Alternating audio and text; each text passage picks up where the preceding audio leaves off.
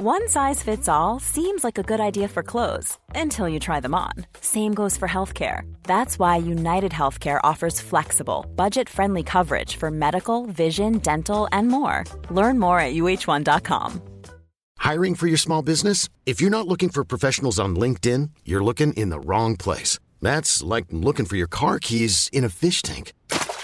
LinkedIn helps you hire professionals you can't find anywhere else, even those who aren't actively searching for a new job but might be open to the perfect role. In a given month, over 70% of LinkedIn users don't even visit other leading job sites. So start looking in the right place. With LinkedIn, you can hire professionals like a professional. Post your free job on linkedin.com slash achieve today. Hey there, it's Michelle Norris. I'm host of a podcast called Your Mama's Kitchen. When I travel, I'm usually looking for a way to find a taste of home when I'm not at home. And one of the things I love to do when I am at home is entertain. And Airbnb allows me to do that. When I was in California recently, I rented a house that had a great kitchen. And when we were sitting around the table, we were all thinking, we're in someone else's house. Someone could be in all of our homes as well. If you have a home, but you're not always at home, you have an Airbnb. Your home might be worth more than you think. Find out how much at airbnb.com/slash host.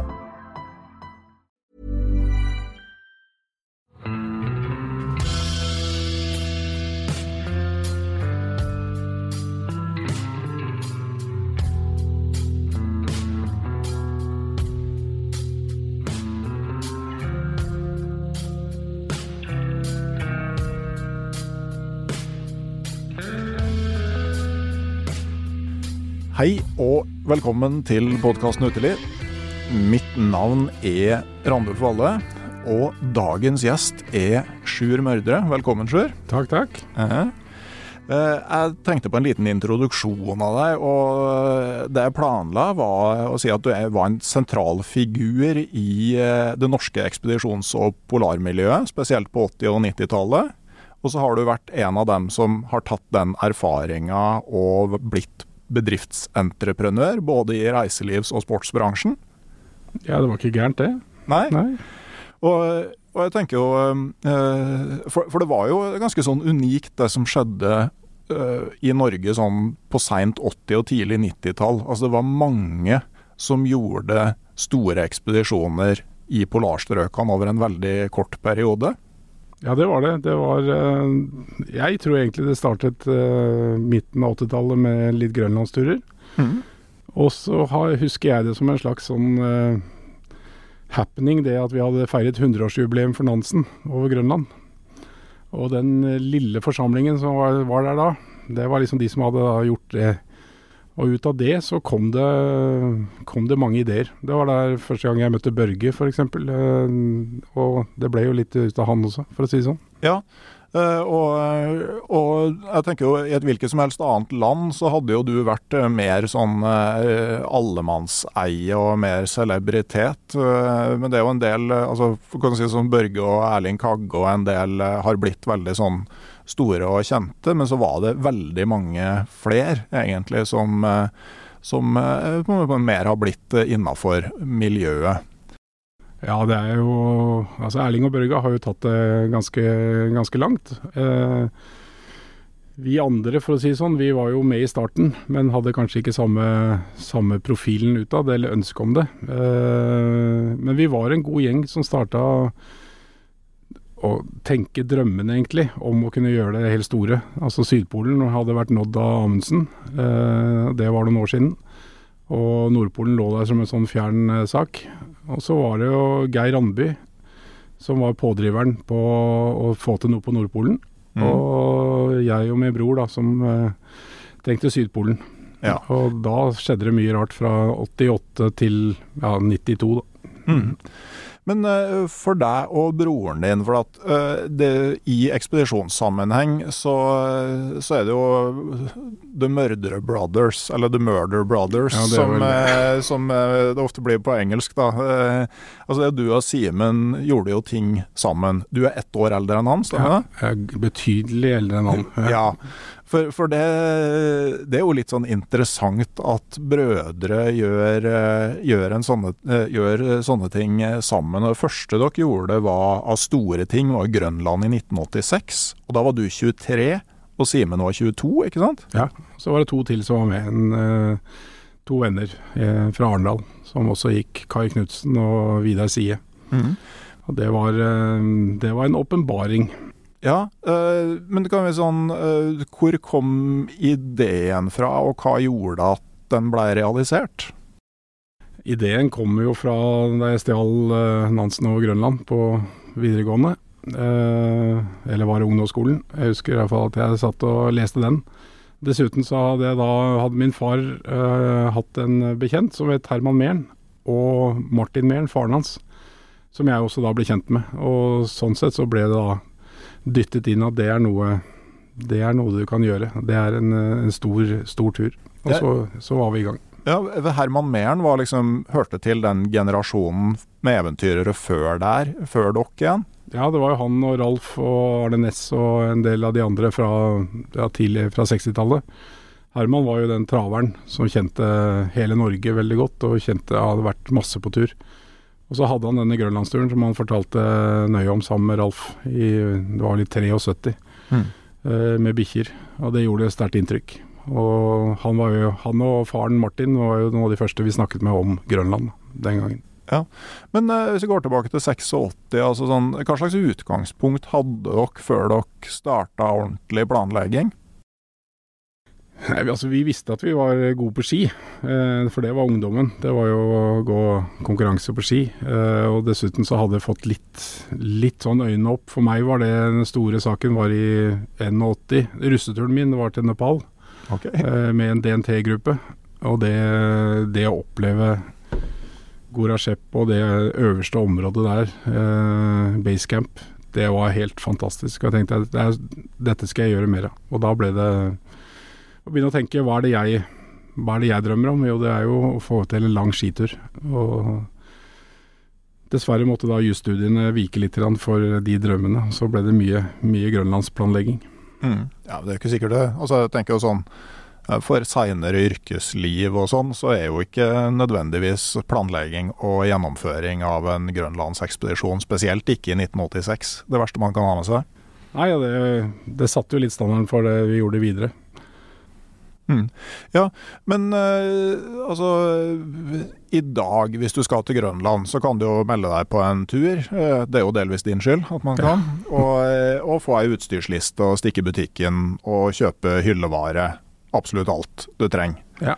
da dere fant ut dere skulle til Grønland i 1986, ja, hvordan så to do-lista ut da? Nei, Det var egentlig veldig lite som vi hadde Som vi visste om. For det første var vi ferske selv, så det var jo litt sånn tilfeldig hva vi havnet på. Men uh, vi fikk pratet med Norøna om noen Gore-Tex-jakker, og så fikk vi tak i en kar i Asker som lagde pulker til hundekjøring. Som lagde pulker til oss. Og så snakket vi en del med Carl Emil Pettersen. Og etter hvert så lagde vi da vår egen utstyrskiste. Mye, mye rart, mye feil. Men kanskje det som beskriver best at det har gått litt stund, det er jo at vi hadde da med sekstant. Og vi hadde et uh, distansehjul som vi hadde fått fra jobben i asfalten i Hesselberg. Og det var på den måten vi skulle orientere oss over isen. Ikke med en GPS på klokka, sånn som de gjør i dag. Nei, og, og det, Så dere navigerte egentlig etter akkurat samme prinsipper som Amundsen gjorde til Sydpolen og Nansen gjorde på sin kryssing? Ja. Mm. Den store forskjellen er at det er lett å navigere når du går uh, krysser breddegradene. Men å følge langs en breddegrad, da, ikke, da, må du være ganske flink. Og det var vi ikke. Så vi bomma litt, for å si det sånn. Ja. Nei, for, for det, Jeg har vært innom det i podkasten før, at ikke sant, det å, å, gå nordover og sørover altså Da er det jo daglengden og solhøyden du har å holde deg til. Mens eh, det var jo eh, først i ganske moderne tid at òg ja, handelsskip klarte å, eh, å, finne ut hvilken, hvilken lengdegrad man var på. For det det krever jo bl.a. helt nøyaktig klokke. Ja, helt nøyaktig klokke og mye utregninger. Mm. Uh, og de, vi prøvde oss på det og lære oss det, men uh, det ble litt for komplisert. Så vi satset på distansehjulet med en sånn viss uh, slingringsmonn på det. det datta etter tre dager, men bortsett fra det så var det, kom vi oss vestover. Det gjorde det. Ja. Ja, og det, man bommer jo liksom ikke på vestkysten, i hvert fall. Du bommer ikke på vestkysten, men du kan bomme rundt tre mil på nedgangen. Mm. Der vi trodde vi skulle komme ned. Så det ble en lang tur å gå på andre siden. Men Ja. det gikk jo bra. Ja. Ja. Nei, jeg husker jo fortsatt, eh, for det var jo i samme vending at Stein P. Aasheim og en gjeng gikk over med replika av utstyret til Nansen, og de har jo en sånn passasje i boka hvor han som ligger og regner ut, finner ut at de er, at de er like ved Ekofisk. Ja. Så det var liksom et par dager etterpå så kom en sånn forklaring på, eh, på hvorfor det her hadde blitt feil, og Steinberg kommenterer at det var ingen av oss som skjønte hva han eh, mente, men vi var alle glade for å komme bort fra Ekofisk. ja. ja det var jo turer, det der òg. Mm. Men, eh, men sånn med teltliv, vinterturer på ski og sånn, hva slags erfaring hadde dere der før dere la i vei? Nei, vi hadde ikke all verdens. Vi var glad i å gå. Altså, vi var glad i å være, bruke påskeferie, vinterferie sånn, til å gå til å ligge i telt. Uh, lærte litt etter hvert av, uh, av å trene til Grønland. Av hva vi burde gjøre og ikke gjøre. Men det er klart, jeg har jo utviklet akkurat det teltlivet litt siden den grønlandsturen. Ja. Det har jeg. Hva ville du sagt, eh, hvilke råd var det du først ville gitt til deg sjøl, hvis du kunne møtt eh, den da 22 år gamle utgaven av deg sjøl som drev og forberedte Grønland? Ta med tisseflaske. Nei, altså Det å ha det behagelig i telt, det er, det er vesentlig for å prestere godt på dagen. Da. For å kunne ha en sånn god, øh, god fremdrift. Så det at teltlivet er innretta behagelig, det er, det er viktig. Ja. At det er enkelt. Ja, jeg snakka med ei venninne i går som hadde eh, vært med noen på tur i vinter og endelig fått en sånn tisseflaskeløsning som funka for henne. Altså ting er jo at du slipper det ubehaget med å stå opp om natta, det er jo det ene. Men jeg tenker at det som kanskje er det viktigste, er jo at du tør å drikke nok når du ligger i teltet om eh, kvelden. Du er ikke redd for å måtte på do, sånn at du er ordentlig hydrert når, når neste dag eh, starter. Sånn at det liksom, den tisseflaska handler om, egentlig om veldig mye mer enn bare å slippe å måtte stå opp. Ja. Men det har ekstremt mye å si å slippe å stå opp. Mm. Det å velte seg på sida og ligge i 35 varmegrader inne i soveposen, det er, det er mye bedre enn å måtte ut i, i stormen. Det, Ja. Det er jo nesten så man kan savne når man kommer hjem igjen. Nei, hadde, broderen fikk jo en opplevelse med det å få parafin i, i, i snøen og drikkevannet. Mm. Uh, han hadde 15 turer ut den natta der. Og klart han, Etter det så var det å finne løsninger på å bli i teltet, det var ganske primært. Mm. Ja. Nei, men det, det er jo eh, men, men ellers med rutiner og sånn, da? ehm, Var det liksom noe du, husker som liksom gikk seg til, og som dere lærte underveis på den turen? Eh, Grønland var det vel eh, ikke så mye. Eh, store, den store læringen på det å bo i telt og innrette seg, det er jo Nordpolturene. Som blir som en sånn sjokkopplevelse første gang man prøver det. Eh, så det var der det virkelig den gode lærdommen kom. Men det er klart vi lærte oss til å holde det ryddig og tørt. Altså ikke dra snø inn i teltet. Det er liksom pri én. da. Mm. Og, og i tillegg være rask med å få opp teltet. Det er jo det er sånne vesentlige ting for å bevare hender og ja, holde seg noenlunde i form. Mm. Hvordan var utstyret da, altså sånn med håndtering og sånn? Var det store forskjeller fra i dag? En god del, altså det har utviklet seg en del, men la oss si skiene, det var kanskje gamle Åsnes-ski. Ikke veldig forskjell fra de og de nye Åsnes-skiene som selges i dag. Eh, kanskje bare litt mer solide, de som er nå, eller de som var den gangen. Eh, ellers så var det jo på fremdriftsmidlene vi hadde, da. Vi prøvde jo da sånne seil, eller fallskjermer, på Grønland. Og det klart, det var en som bare dro deg dit vinden gikk. Uh, I dag så har du jo masse morsomme løsninger med kiter og, og sånne ting. Men det var uh, Det går jo fantastisk fort over vidda når du har noe som drar deg. Når det er 30 kvadratmeter som dytter deg fremover. Så den grønlandsturen var jo lagt opp til 50 dager på en litt lengre tur fra Ammasalik til, til Jakobshavn, eller Ilulissat som det heter nå. Eh, og den eh, 50 dager ble til 17. Så det er klart ting Oi. går litt raskere når du eh, kan seile 50 mil på to-tre dager. Ok, så kryssa det ei lang kryssing òg. Altså det, Ja, det var 850 km skulle det være. Ja, På 17 dager, ja. Da går det ganske greit unna. Og det var jo det som da Da vi så det, så skjønte vi at det, det her kan brukes flere steder. Ja, for, for uh, da dere kom tilbake altså fra Grønland i 86, dere dro til Antarktis i 1990, altså fire år etterpå. Ja. Uh, hva, hvor lenge gikk det før den planen om Sørpolen uh, måtte hadde utkrystallisert seg? Ja, det gikk vel bare et halvt år, ett år, det. Så begynte vi å drømme om det. Mm. Men så jo at uh, Antarktis var et ganske hvitt kontinent, også når det gjaldt logistikk. Det var ikke lett å komme inn der, så vi brukte mye tid å drømme og prøve å tenke løsninger. Leie en Hercules og bli sluppet med i fallskjerm utover uh, McMurdo-sundet, der uh, Scott uh, kom ned. Det var én løsning. Altså det var mye rart. Inntil vi da oppdaget et sånt firma som hadde begynt å fly folk inn til Vinsen i Antarktis. Og da, mm. da skjønte vi at det var en mulighet. Ja, for det måtte være en veldig sånn game changer i Antarktis. Det at det plutselig var en, altså ikke billig, men en sånn hyllevare-logistikkløsning som du kunne bestille for å komme deg inn dit? Ja, det var eh, det, var det som snudde opp ned på alt sammen. Mm. Så klart det selskapet var eh, nokså sårbart de første årene. Eh, det, det, var vel egentlig det mest spennende med hele sydporturen vår. Det var jo hele, alt det med flyving. Men uh, det var jo sånn jeg traff Martin Williams og Mike McDowell også, uh, som senere skulle bli turvenner på Nordpolen. Uh, det var han som startet det, han Martin Williams. og de, det er klart, de hadde god kunnskap, men de hadde lite ressurser og tok mye sjanser. Mm. Mm.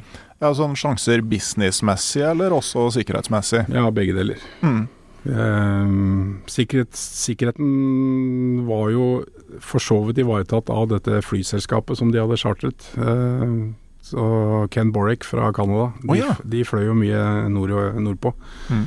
Men eh, økonomisk sikkerhet var det ikke. Så Ken Borrick var jo ikke veldig happy med hva de klarte å stille opp med av finanser, det, det selskapet her. Og det fikk jo vi merke veldig godt på turen vår. Ja, Hvordan da?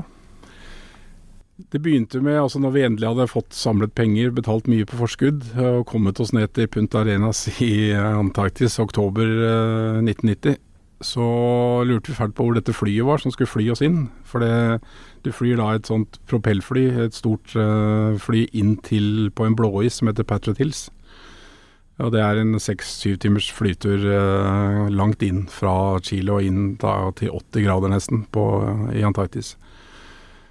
Og til slutt, så når vi hadde spurt lenge nok, så dukka det opp en eh, gammel DC6-er som kom rett fra narkosmugling i Miami-området. Eh, med én, heldigvis en kaptein som hadde vært i Antarktis før, så han eh, visste litt. Bruce Alcorn. Men hadde med seg et helt blodferskt mannskap. Og da vi gikk om bord, så fikk vi beskjed om at de ikke kunne sette på noe varme før etter tre timer, for det var så mye bensin som lå fløyt rundt omkring i flyet, så de måtte være forsiktige med, med varme. Så, men vi klarte å lande, og alt, alt, gikk greit. Men det var liksom starten på det. Og så uh, underveis på turen så skjønte vi også at det var trøbbel med logistikken, for vi skulle ha noen depoter inn der. Og så viste det seg det at uh, Ken Borrick faktisk hadde bare trukket seg tilbake. De hadde gitt opp logistikken med Twin Otter der nede pga. manglende betaling og lignende. Så det de eneste de hadde da som reserve, var at de hadde en nedgravd Cessna i isen inne på Patron Hills, som de da gravde opp og gjorde klar, og fløy da ut depotene for oss. Men det var det eneste da flysikkerheten som var sånn sivilt i det området mens vi var ute på tur. Mm. Det er klart, Dette merket jo ikke vi så godt når vi var ute på isen, men uh, i ettertid så vil jeg si at det var rimelig på kanten. Ja, En, en eh, på en måte alvorlig ulykke med solid personskade inne der hadde ikke vært helt ideelt oppi der.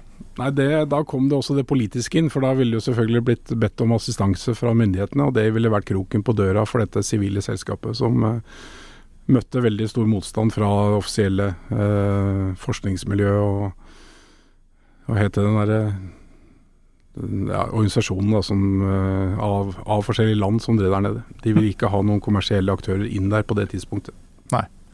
Nei. Da, det, det, kan man jo for så vidt forstå, ettersom det, det, er jo nettopp sånne situasjoner det veldig fort kan avle. Ja. Mm. Men eh, bare sånn før det, så måtte du jo omtrent altså Dere snakka på charteren Hercules. Monica Christensen hadde jo et ekspedisjonsskip for å komme ned. Altså, Har du noe måte minne om uh, hvilke sånn økonomiske forskjeller man snakker om på det opplegget dere hadde på den ene sida, og eventuelt charter en Hercules eller ha et ekspedisjonsskip? Altså sånn, Hvor stor, hva representerte det i forskjeller på kostnadsnivå? Og det var ekstrem forskjell. Altså, mm. vi, vi, snakket jo om å prøve å holde oss under ti millioner da, med totalt. med to, to, unge brødre med studielån, så var det liksom ikke, det var ikke så lett å tenke den finansieringen. Men uh, det opplegget til Monica var jo atskillig dyrere, og involverte veldig mange personer. Mm. Og dessuten uh, igjen litt sånn sårbart uh, på logistikken. Ja. Og sikkerheten. Mm. mm. Ja, og litt sånn Problemet med å bruke eget skip er vel nettopp det at du kom i gang for seint på, på, sesongen. Det er akkurat det. Mm. Det fikk jo vi oppleve etter hvert på turen. Mm. At, uh, følgen av det. Men, uh, men uh, da dere starta planlegginga av Antarktis-turen, så gikk det vel ikke så veldig lenge før dere fant ut at dere ikke var de eneste som gikk med den planen der? Det, altså det vi visste, det var jo i og med at vi da hadde kontakt med Herman, og så visste vi at de hadde Arne Næss, Herman og Ralf hadde snakket om det. Mm. Men de var de var jo da veldig på den der drømmeren og dette må vi få til en gang. Uh, og det antagelig så manglet de da den der litt utålmodige unge kraften som skulle til for å få gjennomført det på det praktiske nivået. Så da vi skjønte at det eneste måten å få tak i penger og få realisert denne drømmen på, var, uh, var at vi måtte ha mange sponsorer, så tok vi jo kontakt med dem og satte oss ned og fant ut at ok, eh, kanskje vi skal få til noe sammen. Så det ble Ralf og Herman og Simen og meg som dannet et eh, team. Mm. Og da var det jo snakk om å gå til Sydpolen og eventuelt fly ut derfra, eller å, eller å dra tilbake på en eller annen måte. Eh, hvor da Ralf sa ganske klart fra at er vi kjerringer, eller skal vi gå over hele?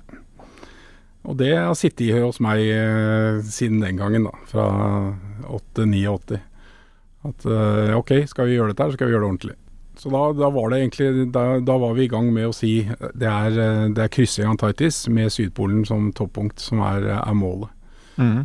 Uh, og det ble, jo, det ble jo veldig spesielt. To karer som var uh, riktignok litt yngre enn det jeg er i dag, men uh, nesten samme alder som meg, meg nå som da skulle sammen med to uh, valper fra, fra Asker.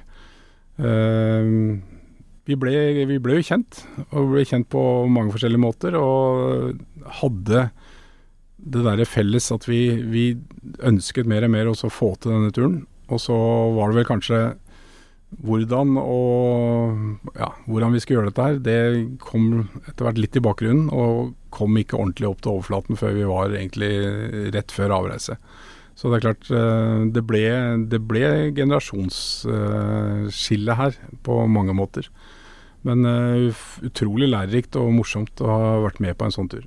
Ja, eh, men jeg leste jo Boka ligger jo på Nasjonalbiblioteket digitalt. Mm. nb.no. Kan du søke, opp, søke på mørdere, f.eks., så, så kommer den opp. Eller på Høybakk. Uh, mangler de siste 20 sidene, faktisk. Så det er sikkert et eller annet sånn automatisk oh. skanning som uh, det slutta veldig brått, da, midt i en setning, og så gikk det på registeret. Men, men uh, den turen inn til Sørpolen der altså jeg, jeg, kan ikke huske å ha lest noen sånne ekspedisjonsberetninger som har ligna noe særlig.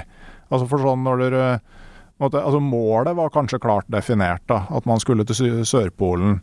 Men å på en måte dere starta på en måte mot Sørpolen uten egentlig helt å vite, uten å være enige om noen ting om hvordan det her skulle gjøres?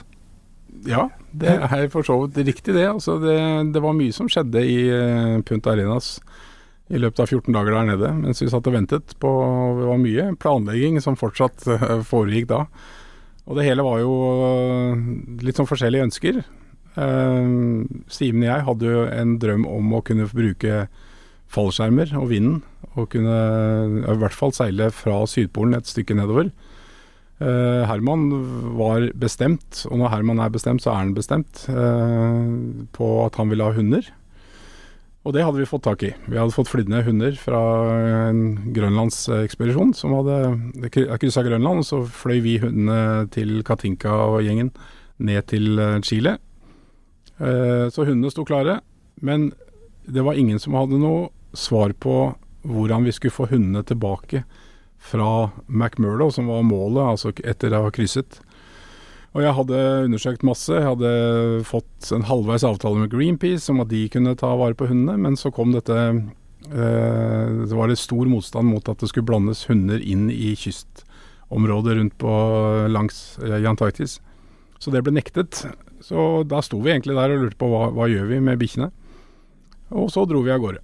For det var egentlig bare det spørsmålet som var der. Og så hadde vi ikke noe avklart på hva som skulle skje. Det var litt sånn Det, det får tiden vise hva, hva, vi får til.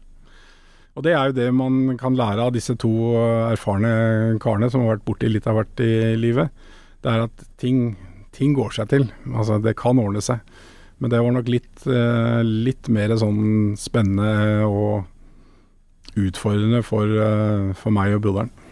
Ja, og så når du leser det, så har du jo inntrykk av at eh, altså, det blir jo litt sånn to leirer, da. De, de gamle mot de unge og uh, sånn uh, ja, sånn på arbeidsfordeling, at de gamle driver med wining and dining og henter inn penger, og de unge gjør grovarbeidet med å gjøre klart utstyr, og at det er blir tatt med litt ut i felt, at noen har større kapasitet. Og, altså, eh, det virker som det var mye psykologi ute og gikk på, eh, på veien mot Sørpolen her.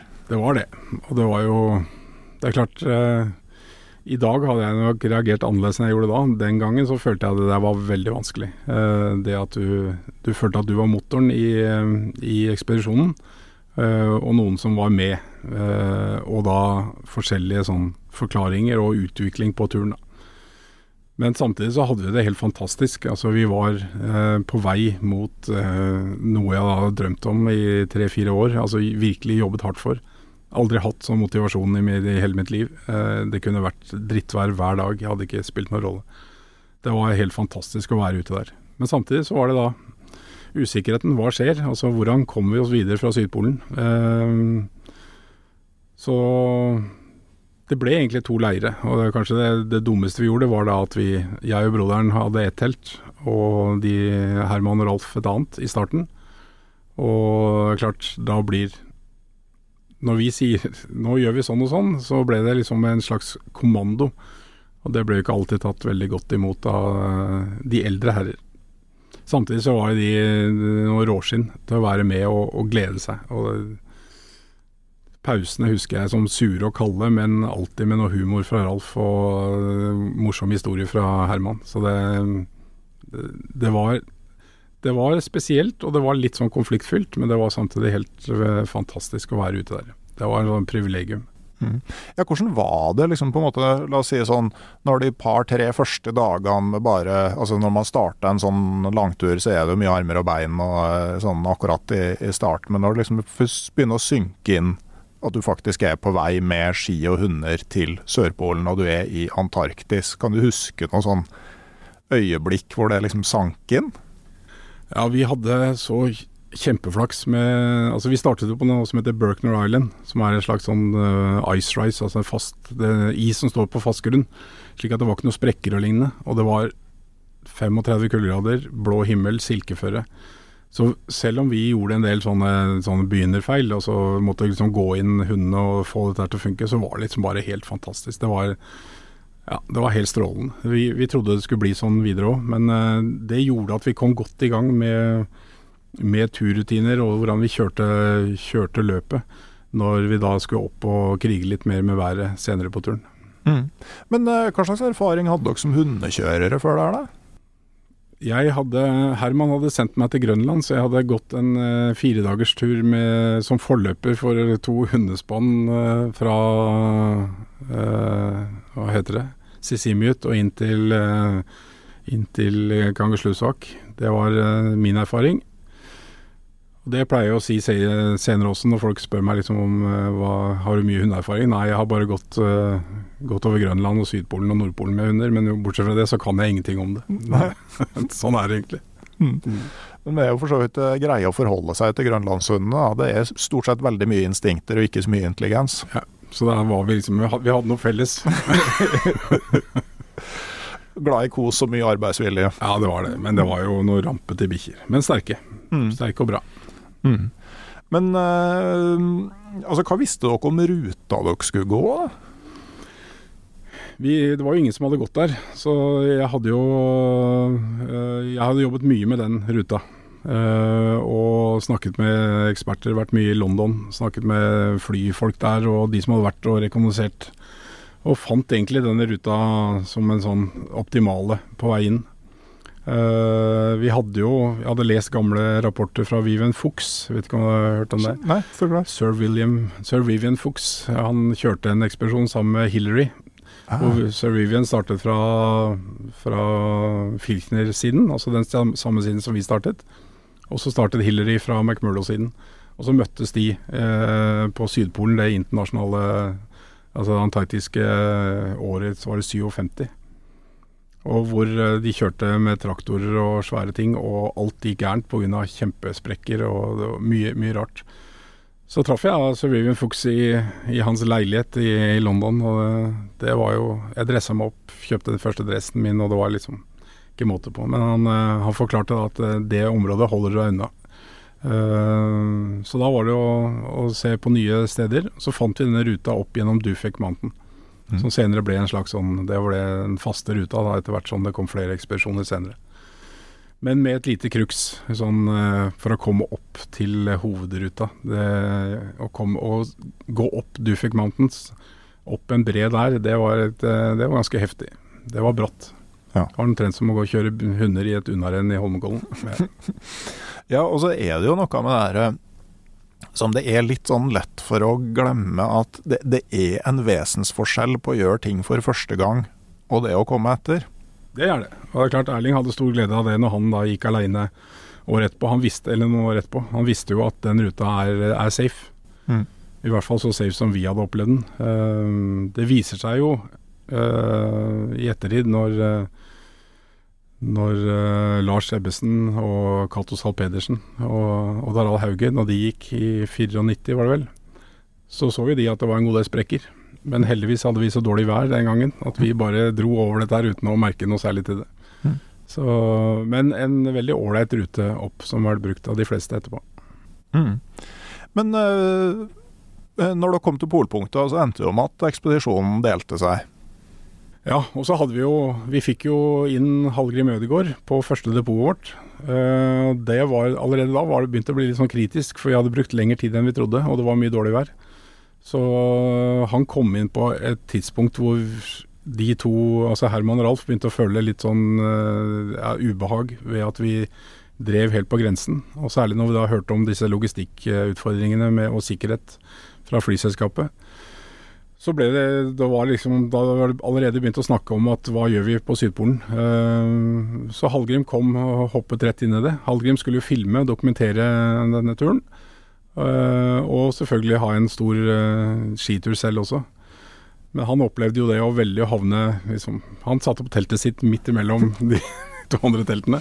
Ja, og spiste frokost i det ene teltet, middag i det andre. Ja, det var litt sånn. Det var allerede blitt, eh, blitt litt, eh, litt for dyp kløft, egentlig, der. Men så gikk det ikke mange dager i eh, det som da var ganske mye uvær. Vi hadde vel eh, ja, kuling og føyke og whiteout i nesten 14 dager. Uh, hvor da Ralf tar en beslutning at han ønsket å, å avslutte på Sydpolen. Eh, og Herman sa da at da, da, gjør, da gjør jeg det også, sa Herman. En av han hadde jo egentlig hatt lyst til å fortsette hele veien. Og på den, altså når det skjedde, så ble det en slags ro over gruppa. Da visste vi litt mer hva som skulle skje, fordi vi fikk da via vår HF-radio av og til kontakt, av og til ikke, så fikk vi avklart at det var mulig å få flydd da også hundene tilbake til Chile. Eh, så når det var satt, så visste vi hvordan ting skulle skje videre. Mm. Eh, og så kjørte vi da en uke eller to eller tre til, og så kom eh, Carl Emil Pettersen inn. Han hadde vært vår basecamp-sjef, eh, vært på Patriot Hills og fulgt oss nøye, og vært den store pådriveren for å redusere vekt. Kutt alt, kutt. Han var veldig på at vi skulle kutte vekt. Eh, og det hadde vi jo gjort. Hallgrim fikk jo lov til Han fikk kun ha med seg ett batteri på den derre 16 mm kameraet sitt. Så hadde det streika, så hadde jo hele turen blitt mislykka for han sånn uh, filmmessig. Men hele veien sånn, og så kommer da Carl Emil, kommer ut av den Cessnaen på 87 grader med fullastet sekk og en svær bag, og hvorpå vi da bare tar fatt i både sekk og bag, tømmer ut alt. Det trenger du, det trenger du ikke. Til slutt så sto en sånn betuttet Karl Emil Pettersen igjen med en liten, en liten bærepose omtrent. Det fikk han lov til å ha med seg videre. Og da, men han sa ja, jeg skjønner det gutta, jeg skjønner det har lært. Mm -hmm. Og så var vi i gang på det siste, ja, kall det sjarmøretappen inn til Sydpolen. Ja. Hvor det var én ting som telte, i hvert fall fra 88-89, det var jo rekke fram til 14.12., som var samme dato Amundsen kom fram. Mm. Uh, så da gikk det ganske fort. Og stakkars Carl Emil han øh, hadde vært på 600-700 meters høyde lenge. Plutselig så er han på nesten 3000 meter. Og i Antarktis så er det, det er høyt. Så det er omtrent som at du lander på Mont Blanc ja, og må begynne å løpe. Um, så han hadde det tøft i starten. Han mm. sto der med frosne, frosne fingre, frosne tær, og sa nå er det mange som misunner oss, men ingen som vil bytte. og bare Han var en strålende kar. Ja, ja det, det, er jo eh, for, eh, for et eh, liv han levde. Ja. ja og helt til det siste, altså. Han er noe mer positiv kar, det kan jeg ikke tenke meg. Kan du ikke bare ta liksom, rett fra toppen av hodet en liten sånn recap av hva Carl Emil Pettersen gjorde av turer? Altså, han seilte jo veldig mye, det er jo det han er kjent for, disse turene med runde bl.a. Altså, han første så var han jo som uh, ungdom. Hadde vel egentlig sånn brukbar økonomi fra starten av. Så han fikk jo seilt mye og gjort mye morsomt uh, sammen med noen venner. Men uh, han kom jo fra konsentrasjonsleir under krigen. Og som han sa hele tiden, at har, jeg har vært i dritten, jeg vet hva det vil si å ha det jævlig. Så alt annet er, er bra. Og det dro han jo med seg, og hadde den der positive innstillingen til livet hele veien. Helt, helt utrolig sånn positiv kar. Mm. Og så gjorde han da Grønland alene. Han er jo den eneste som egentlig har, fått, som har gått over Grønland alene. Eh, gått solo. Det er jo blitt forbudt, eh, hvis du skal gjøre det i hvert fall lovlig, så er det forbudt å gå alene. Men han gjorde det på sin uh, spesielle måte, med hvor han lå i pulken, hadde et telt designet. Og han gjorde mange av de tingene som inspirerte oss til å finne på løsninger senere. Uh, så han var en inspirator allerede da. Mm. De som hørte episoden med Ragnar Thorseth, vil huske at Runde møtte sin eh, skjebne i drivisbeltet øst for Grønland, samtidig som Santo skuta, eller båten til Ragnar Thorseth, også blei skrudd ned. Akkurat. Det, det var jeg ikke klar over. Nei. Nei. Så, eh, de møtte hverandre i hva det heter Skorsbysund. Skorsbysund, ja. ja. I, uh, i, i, Itokotomit, som det heter på grønlandsk. Ja. ja. Og, eh, og blei da skrudd ned på vei ut igjen gjennom, gjennom drivhusbeltet. Ja. Mm. Det er strålende personer, de der. Ja.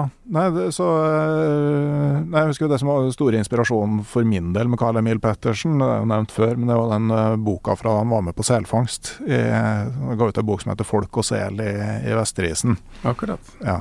Det, den var, uh, den var Gjorde inntrykk på meg, da. Mm. Sto hjemme i bokhylla hos farfar, som også hadde vært på selfangst på 30-tallet. Ja, ja. mm.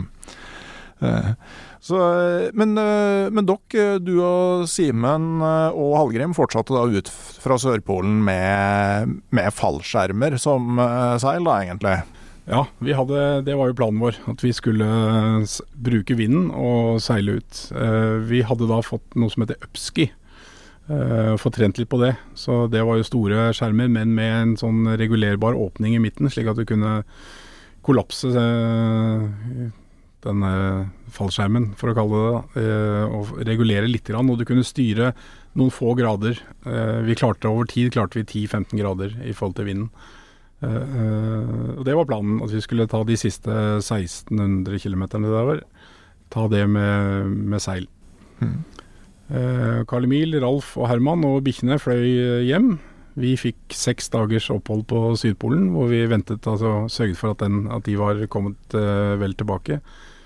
Hadde et fantastisk eh, opphold på Sydpolen. Fikk bo inne på basen. Eh, så Casablanca for første gang. Mm. Og en av de store opplevelsene var at de, de som jobbet på basen, de hadde hørt om oss, de visste at vi kom. Og de hadde jo sånn rasjoner på hvor mye vann de kunne bruke eh, hver dag. For at alt måtte jo smeltes. Eh, så da hadde de alle sammen gått sammen og spart opp rasjoner slik at vi fikk dusje når vi kom til Sydpolen. Oi. det var bare en helt sånn rå opplevelse. Hmm. Så det hadde jo venner derfra som jeg senere har truffet rundt i verden på sånn på, Og Grønland blant annet. Treffer liksom Kommer en kar bort med slalåmbriller og ansiktsmaske og sier 'hei, Sjur', sånn lenge siden sist. Og så er det en kar du samordna til på Sydpolen tre-fire år eh, tidligere. Det er, det er sånne minner man har. Eh, Fikk snus også på Sydpolen, eh, etter å ha vært snusfri på hele turen inn dit. Det var ikke verst. Nei. Nei, men turen ut var jo Da startet det med hele basen som sto og vinket farvel til oss. 100, 120 mann. Det jeg hadde lest om hos Amundsen, men glemt, det var at snøen på Sydpolen er ekstremt rå. Altså, han skriver om det som å gå med potetmel. Mm. Det stemte jo. Så når vi da startet med våre 110 kilo og skulle være de tøffe karene som dro av gårde, så var det altså straks vi forsvant under horisonten da, for disse som var på basen, så bare sank vi sammen. Da var vi helt utslitt. Da skjønte vi ikke hvordan vi skulle klare å trekke disse pulkene videre de siste kilometerne. Så det var, eh, det var eh, ja, med litt sånn blandede følelser vi starta på den turen. Da hadde vi ingen eh, kommunikasjon, vi hadde lagt igjen radio. Så vi hadde bare en sånn Argos-sender som skulle fortelle resten av verden hvor vi var hen. Men vi hadde, ikke noe, hadde ikke noe kommunikasjon inn til oss. Så når du da føler deg litt utslitt etter ti kilometer eh, på Sydpolen, så, så lurer du litt. Så gikk vi og sleit et par dager, og så kommer julaften, eh, 24. desember, og så kommer vinden. Så vi står opp, pakker ned teltet, står på skiene, og etter seks timer så har vi gjort 120 km uten å egentlig ha gått et skitak. Og det var, det var en sånn rå opplevelse. Mm. Og sånn fortsatte det noen dager. Så vi kunne gjøre unna den uh, Titandomen som det heter, altså høyeste punktet på den ruta. Eh, Drittrå snø, mye skavler og sånn, det kunne vi gjøre på en veldig elegant måte. Mhm. Og kom oss ned til eh, mot Aksel Heiberg-breen, da, som var det store målet, egentlig. Og det å få lov til å gå den eh, ruta som Amundsen gikk. Og så hadde vi snakket mye med Monica. Fått med fint kart fra Monica på ruta ned, annet. Og hun hadde oppgitt posisjonen hvor hun snudde da var i 85. Tror det var 5 eller 86. Det kan være. Uh, og vi tenkte at det hadde vært gøy å se til det depotet, iallfall. Og vi går til den posisjonen, uh, for nå har vi jo GPS, så nå kan vi jo lett finne posisjonen. Der er det ingenting. Så litt sånn deppa, tenker at det har blåst ned, det er borte. Så går vi sju kilometer til, og plutselig så står vi altså og ser bort på noen trekasser. Og der er depotet til Monica. Og oppi der fant vi mye, mye goodies, for å si det sånn. Så der ble det skift av undertøy, og ja, fikk med oss litt eh, godsaker. Og så dro vi mot Aksel Heiberg-brenn. Mhm. Kanskje til den største naturopplevelsen jeg har hatt i hele mitt liv. Det å gå ned der. Føle at du er i, i Amundsens eh, ja, både fotspor og, og sinn, egentlig. Å skjønne Amundsen, når jeg tenker på denne, disse fjellene som du bare har lest om, altså et Fridtjof Nansen-fjellet. Don Pedro. Og Don Pedro. Mm. Don Pedro Christoffersen-fjellet. Et fagert, lyst, nydelig fjell. Nansen-fjellet. Mektig, mørkt og litt sånn eh, skremmende fjell. Og Det, det følte du så veldig på da vi gikk ned denne ruta der, og ned i Stillhetens dal. Hvor det da plutselig var slutt på vind. Det hadde jo ikke vi opplevd på to måneder, to-tre måneder. Eh, og så er det da stillhet, og det er dyp snø, og du går der, og så ser du liksom bare Du må finne veien, og det Ja, vi hadde noen opplevelser der som var helt eh, magiske. Mm. Kan, kan du på en måte følge Amundsens beskrivelser nedover der, da? Eller? Ja. Og det er egentlig bare den veien. Så det, særlig det at ned i skihoppet, tror jeg han kaller det. Det er da en sånn liten smal passasje mellom en del sprekker. Hvor du må finne liksom akkurat Det er innenfor 20 meter, kanskje. mm. Hvor du må gå samme ruta. Og vite deg ja, her var det tråkka noen spor for eh, en del år siden. Det var, eh, det var magisk. Mm. Også, Men, Jeg mener eh, Erik Sønneland og Rolf Bae, de kom ned der òg, ikke sant? På si kryssing?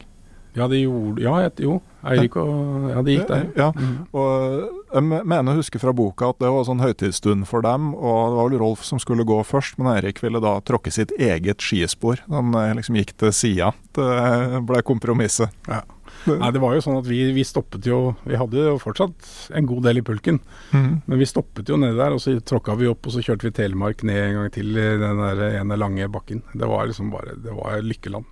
Det var det. Var det. Mm.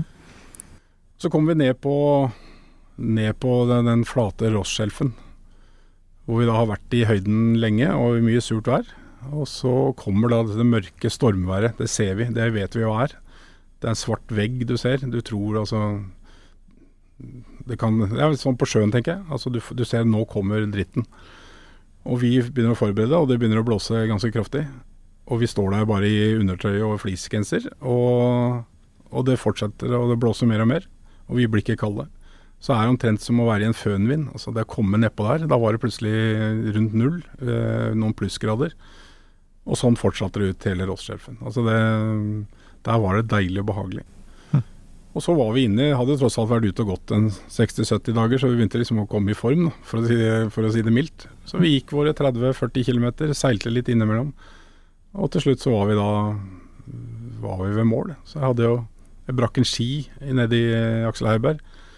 Den bare fiksa vi, og så de gangene jeg skulle seile og holde liksom å krysse, så måtte jeg liksom bare bytte bindinger, slik at jeg hadde trykket på den skia som var i orden. Og så Ja.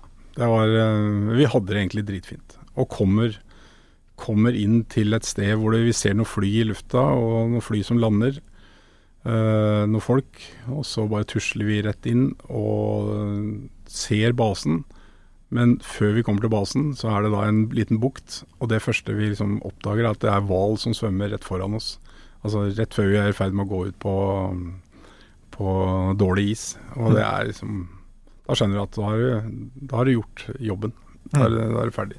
Så det var en sånn sjelsettende opplevelse av liksom Vært alene vært alene i eh, så mange dager, altså, og hatt det så fint sammen, vi tre, da, Hallgrim, Sine og meg. Det var helt rått. Vi måtte jo konstruere noen konflikter vi òg, for vi var jo så godt vant til det fra andre siden. Så krangla om sånne småting innimellom, men vi hadde det bare helt strålende sammen. Og Ja, for det, jeg mener å huske at eh, jeg leste noe om at det ble en sånn diskusjon om Vest-Antarktis lå i vest eller øst når du gikk nordover. ja, og det er helt klart det er en viktig diskusjon.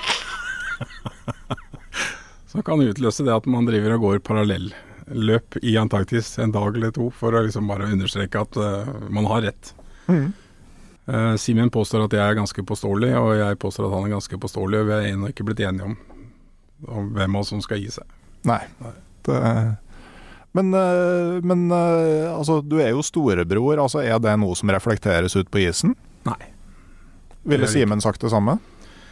Det tror jeg nok. Mm. Eh, og Simen var kanskje enda mer sånn eh, altså, For han var det tror jeg like, en like lykkelig opplevelse. Jeg tror Sydpolen var større for Simen mm, relativt sett enn Nordpolen. Eh, mens jeg kanskje hadde mine største Eller ja, blant de største opplevelsene på Nordpolen da året etter. Mm. Så Men det var Ja, vi hadde det veldig bra sammen.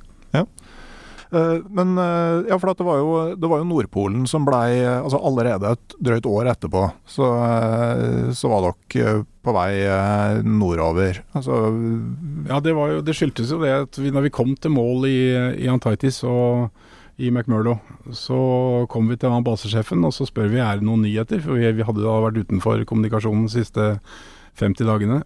Og så sier han eh, ja, det er eh, krig i Irak. Eh, kongen deres er død, og skipet som skal hente dere har gått på grunn. Var det noe mer du lurte på da? Så det var, eh, det var litt spesielt. Og da kom vi om bord i et uh, Bare sånn for å drøye tiden, så kom uh, Mike McDowell da, inn med et annet cruiseskip. Han arrangerte sånne cruise i Antarktis. Og utpå natten der, hvor jeg hadde det ganske festlig, så sier han at jeg har alltid hatt en drøm om å gå til Nordpolen. Og kan ikke du og Simen bli med? Og så får vi med Martin Williams, han som startet dette flyselskapet. Eh, og så drar vi av gårde. Og så tar vi med oss bikkjer, og så cruiser vi en tur til Nordpolen. Og det syns jeg var en strålende idé, og da var vi allerede i gang med planleggingen på vei ut fra Antarktis. Ja, Og det virker jo som kanskje på logistikk og sånn, så hadde dere fått med noen som, eh, som ikke var helt bortreist òg? Ja, vi la jo opp til en tur hvor vi skulle få glede av Ken Borek, dette flyselskapet, fordi de begynte jo å bli bedre og bedre kunder av dem. Uh, så vi så for oss en eh, ganske grei tur med å gå litt med ski og pulk første, uke, første 12-13 dagene for å bare komme over den verste isen. Og så når vi kom på den flate, fine isen som gikk fra 84 grader til Nordpolen, så kunne vi jo cruise med bikkjer. Så sånn la vi det opp. Martin skaffet seg noen hunder som hadde vært med i Yukon Quest, litt sånn Ididarod, uh, det nest mhm. største løpet der borte. Og så Mike stilte med noe penger, og Simen og jeg skaffet sponsorer, og så dro vi av gårde. Og dro til Yellowknife for å akklimatisere. Der mhm. skulle det være 30-40 kuldegrader, så blir det fin oppladning til å dra til Resolute senere. Så var det da påskevær i Yellowknife, så Eller Yellowstone. Nei, faen. Yellowknife, ja. Nei, det heter, heter White Horse, heter det. Ah. White Horse heter det. Der bodde Martin. Så de bikkjene var jo ikke vant til kulde når de kom opp til Resolute, og vi var ikke vant til kulde, og det var egentlig litt sånn Vi var mer organisert enn vi hadde vært før Sydpolen, men det var fortsatt mye rart. Altså, vi hadde planlagt å kjøre Nome bl.a. med bikkjene. Altså hvor bikkjene står i er bundet også på nakke og samlet. Og det viste seg å være en ordentlig tabbe. Men som sagt, vi hadde jo veldig litt erfaring med bikkjer, så vi kjørte, av, kjørte, på med dette. Men vi satte i gang, friske og raske, i 92, da, våren 92. 8. mars var det vel vi fløy ut. Og starter turen. Litt gråvær var meldt, så vi starter å gå. Har gått i to-tre timer, så kommer stormen over oss. Og da ble vi da liggende i telt i over 50 timer. Fire mann i ett telt i 30-40 kuldegrader og vind og, og, føyke. Og det var da det der som jeg nevnte tidligere, det der med hva, hva skal du ikke gjøre i et telt på Nordpolen? Det, det lærer man da. For det første var soveposene våre da blitt tre-fire kilo tyngre, fulle av vann. Eh, da vi kasta dem ut av teltet, så frøys de selvfølgelig fast med en gang og ble dobbelt så svære. Det var nesten umulig å pakke dem bort. Og alt var vått. Altså, alt blir vått i så kaldt vær. Og det er eh, rim og dritt overalt. Og vi visste ikke noe om dampsperre, hadde ikke tenkt på det, for på Sydpolen så var det jo helt strålende. Der var det jo tørt og fint hele veien. Men Nordpolen så var alt da klissvått. Og så var det å starte egentlig på turen. Og heldigvis så hadde vi da planlagt med depot etter 14 dager, så vi holdt ut de 14 dagene, men kom fram med noen fæle soveposer. og Fikk heldigvis byttet alt dette her, vi kunne, og, og, fikk inn hundene. Så vi kunne kjøre, kjøre, fint innover. Nå er det sånn på Nordpolen at den skruisen den gir seg ikke på 84 grader. Den eh, kan til dels bli mye større lenger inne.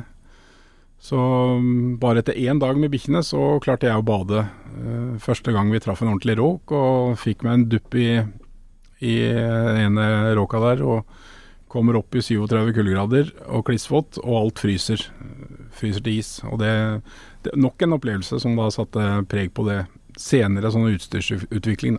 Mm. Ja, for det, det, ikke sant, En sånn grunnleggende forskjell på turer til Nordpolen og Sørpolen er jo at til Sørpolen går du i den antarktiske sommeren med sol døgnet rundt, og til Nordpolen går du i den arktiske vinteren. Ja, for så vidt. Altså, du må starte, du må starte litt eh, seint på vinteren på Nordpolen mm. for å rekke fram før det har blitt for varmt på Nordpolen, mm. eh, hvor det sprekker opp, for at det skal kunne bli hentet. Så Derfor må man starte i mars måned for å rekke fram til iallfall slutten av april. Det er liksom det sikreste. Mm. Så da har man et vindu på 50 dager omtrent, da, som eh, 50-60 dager. Så du kan mm. gå der oppe. Ja. Og Det gjør at det blir litt surt og guffent i starten. Ja, altså, Jeg har jo ikke vært i Antarktis, men uh, hører jo fra Bengt Rotmo bl.a. at uh, sant, du, hvis det er ikke fullstendig overskya, altså når du kommer inn i teltet, så, så er det jo sol. Ja, sånn, at, sånn at, du, du, får varme, på en måte sjøl om det er mange kuldegrader i lufta, så får du en annen oppvarming inn i teltet. Ja ja. Det er å komme vekk fra vinden i Antarktis, det er jo, da er det jo behagelig. Altså Du har nydelig inne i teltet. Mm. Så det er, eh, og motsatt de første ukene da, på Nordpolen. Det skal sies. Altså, Nordpolen i april begynner å bli ganske hyggelig. Mm. Ja, det, Min erfaring er fra litt lenger sjøl, men Bengt og jeg starta Nordvestpassasjen 8.3 ja, fra Kugluktuk. Og den første måneden her, altså, den var Vi har snakka på etterpå at det var sikkert greit at vi ikke helt forsto hvor drøyt det var.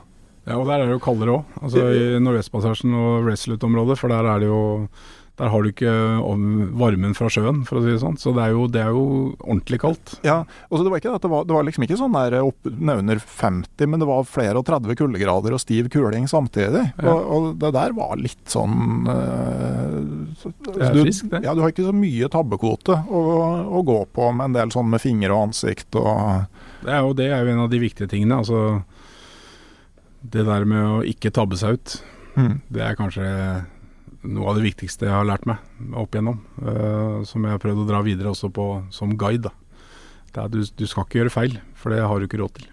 Nei, og det, og det handler jo om å være på en måte nøye hele tida, ikke sant? Ja. Mm. Er, uh, du må alltid tenke litt uh, konsekvenser mm. når du driver med ting. Mm. Men jeg tenker altså, Du beskriver jo Sørpolturen altså som med hunder og etterforsyninger, og, altså, og for så vidt med Nordpolturen òg. Altså, I dag er vi jo veldig vant til å komme inn sånn begrep som unsupported, unassisted. Eh, altså, jeg ser for meg at det er sånne ting som blir viktigere etter hvert som ting allerede er gjort for første gang. Ja, det er det. Og det, det, ble jo et slags sånn sportsbegrep, det å gå unsupported eller å ikke ha noe, noe støtte utenifra. Og det er en naturlig utvikling. Altså, for oss var det Altså, det var ikke sånn det funket med våre, våre turer. Uh, F.eks. det at hunder Du kan ikke kjøre unsupporter over veldig lang tid med bikkjer. Uh, da skal du ha et enormt apparat bak. Uh, så det var naturlig for oss. Eh, hundene ble valgt. Vi skulle ha hunder, og da blir det flystøtte. Mm. Og dessuten så setter jeg pris på litt sånn litt luksus innimellom. Jeg syns det er hyggelig. Det er ikke For meg Det er kanskje feil å si, men for meg har det aldri vært den derre den der prestasjonen som har vært det viktigste. Det har jo vært å få oppleve sånne ting som, som man drømmer om.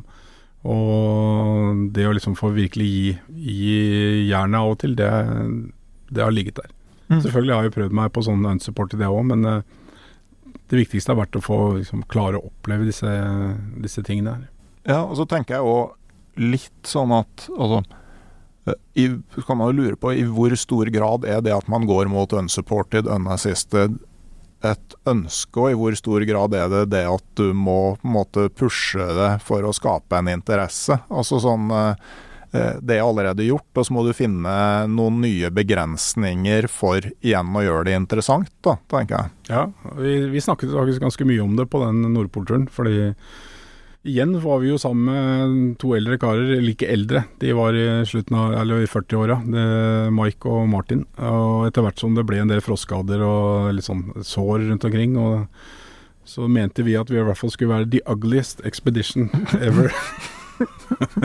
og det så sånn ut på de bildene som ble tatt også av den gjengen. Så, men det er klart, det er, man har forskjellig, forskjellig, motivasjon for å gjøre disse tingene. Mm. Men eh, hvis vi går da seks år fram i tid, da, til 1998, så, eh, så, så du, er du jo med på et prosjekt som på en måte tar den helt ut i den rekordretningen. Nordpolekspressen. Ja, Undertittel 'Verdens raskeste polkø'. Ja. Det er, eh, det er, jo fordi at jeg jobbet, har jobbet mye med utstyr, og jobbet mye med liksom å tenke, tenke, vekt, tenke fremdrift. Altså at det er Kan du lette ting, eh, få ned vekta, så kan du gå mye fortere. Og det gjelder særlig på Nordpolen. Og jeg hadde, og jeg mener fortsatt at det er fullt mulig å gå på 25 dager til Nordpolen, eh, gitt at det er is fra kanten. Det er jo ikke, det er ikke så lett lenger nå å vite om det er is eller ikke når man starter. Eh, men vi hadde et eh, lønnlig håp om å få til det. Så vi var eh, seks karer som, som satte i gang og prøvde på det. da. Ja, det, det, der, sånn som jeg husker det, så var liksom Murphys lov sterkt involvert fra første sekund der? Ja, det var Det var litt spesielt. Altså, jeg var den erfarne fra Nordpolen, for å si det sånn. Jeg hadde med alle. Jeg Hadde jo gått Grønland, og Lars hadde vært på Sydpolen. Vi var, eh, Først var vi fem mann. Det var eh, kanskje to for mye, sånn uh, organiseringsmessig. Uh, Lars var så overbegeistret over å være oppe på Nordpolen at han fant den første råka han kunne finne og hoppet uti der. Uh, Nokså ufrivillig, da. Og Knut Aas, som også var med, var såpass uh, glad i alle på turen at han hoppet etter for liksom å redde Lars. Så etter tre timer så hadde vi to mann klissvåte, og, og ja, det satte en litt sånn dårlig stemning på, på mulighetene for å klare det så fort, da. Mm. Så Jeg mener, husker noe sånn forfro nei, noe forfrosne tær som blei svidd av under noe tining over primusen? Ja, Lars holdt ut en stund til, men han var litt uforsiktig, så han fortsatte å gå med de våte ullkartankene på beina eh, dagene etterpå, og det var jo kaldt. Eh, og så etter hvert så viste det at han hadde fått en frostskade, og til slutt så måtte han nærmest eh, kaste inn håndkle. Men vi, vi, lå sammen i teltet og diskuterte dette her, og da hadde han da en frossen tå, som vi mente vi, mens vi diskuterte, kunne da prøve å tine. Så han lå med beinet litt sånn opp i lufta over primusen, eller foten over der. Og så lå vi og diskuterte seriøst hva vi skulle finne på med, med Lars der, og så plutselig begynner det å lukte som bacon. Og så viser det at han har klart også å svi den frosne tåa, og da ja, da skjønte Lars at det iallfall ikke Det skulle ikke fortsette. Så det var en til som også ble med Lars ut etter ti dager, og så fortsatte tre oss videre. Mm. Og hadde et kjempefint tempo, og kunne nok kommet inn på en 8-29 dager hvis det ikke hadde vært for at uh, Fischer uh, det året fant ut at det var bedre å ha jord enn tre i kjernen på skiene. Uh, alle skiene knakk på midten. Så vi gikk etter hvert tom for skruer og alt mulig rart for å fikse disse skiene. så det ble forsinkelser, og til slutt så, så måtte vi bare gi opp på 88 grader. Hm. Men det var jo det var morsomt. Men mye skyldtes jo da den første turen uh, i 92, som var uh, for meg helt fantastisk. Så det å oppleve Nordpolen, det å ligge og høre lyder, uh, det livet, det å gå på en råk hvor, som blir presset sammen av, av andre panner, det er bare Ja, det er, det er, det er så rått. Så det så jeg sier altså, vil du av gårde igjen til en av disse polene? Eh, ikke nødvendigvis, det går en langtur, jeg begynner å bli litt for gammel til det, tror jeg. Men det å få oppleve det der, den naturen eh, på Nordpolen, det er, eh, det er helt fantastisk.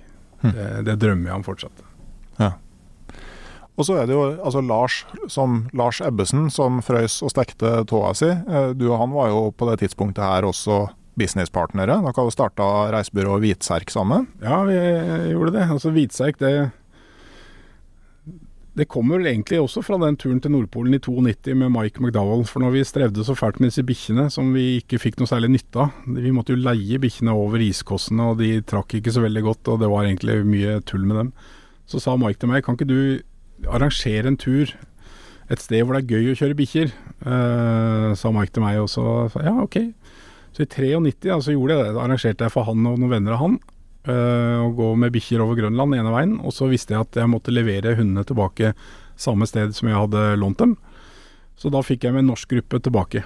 Så det i 93 var liksom første starten, hvor jeg hadde en dobbeltkryssing av Grønland med, med egentlig betalende kunder.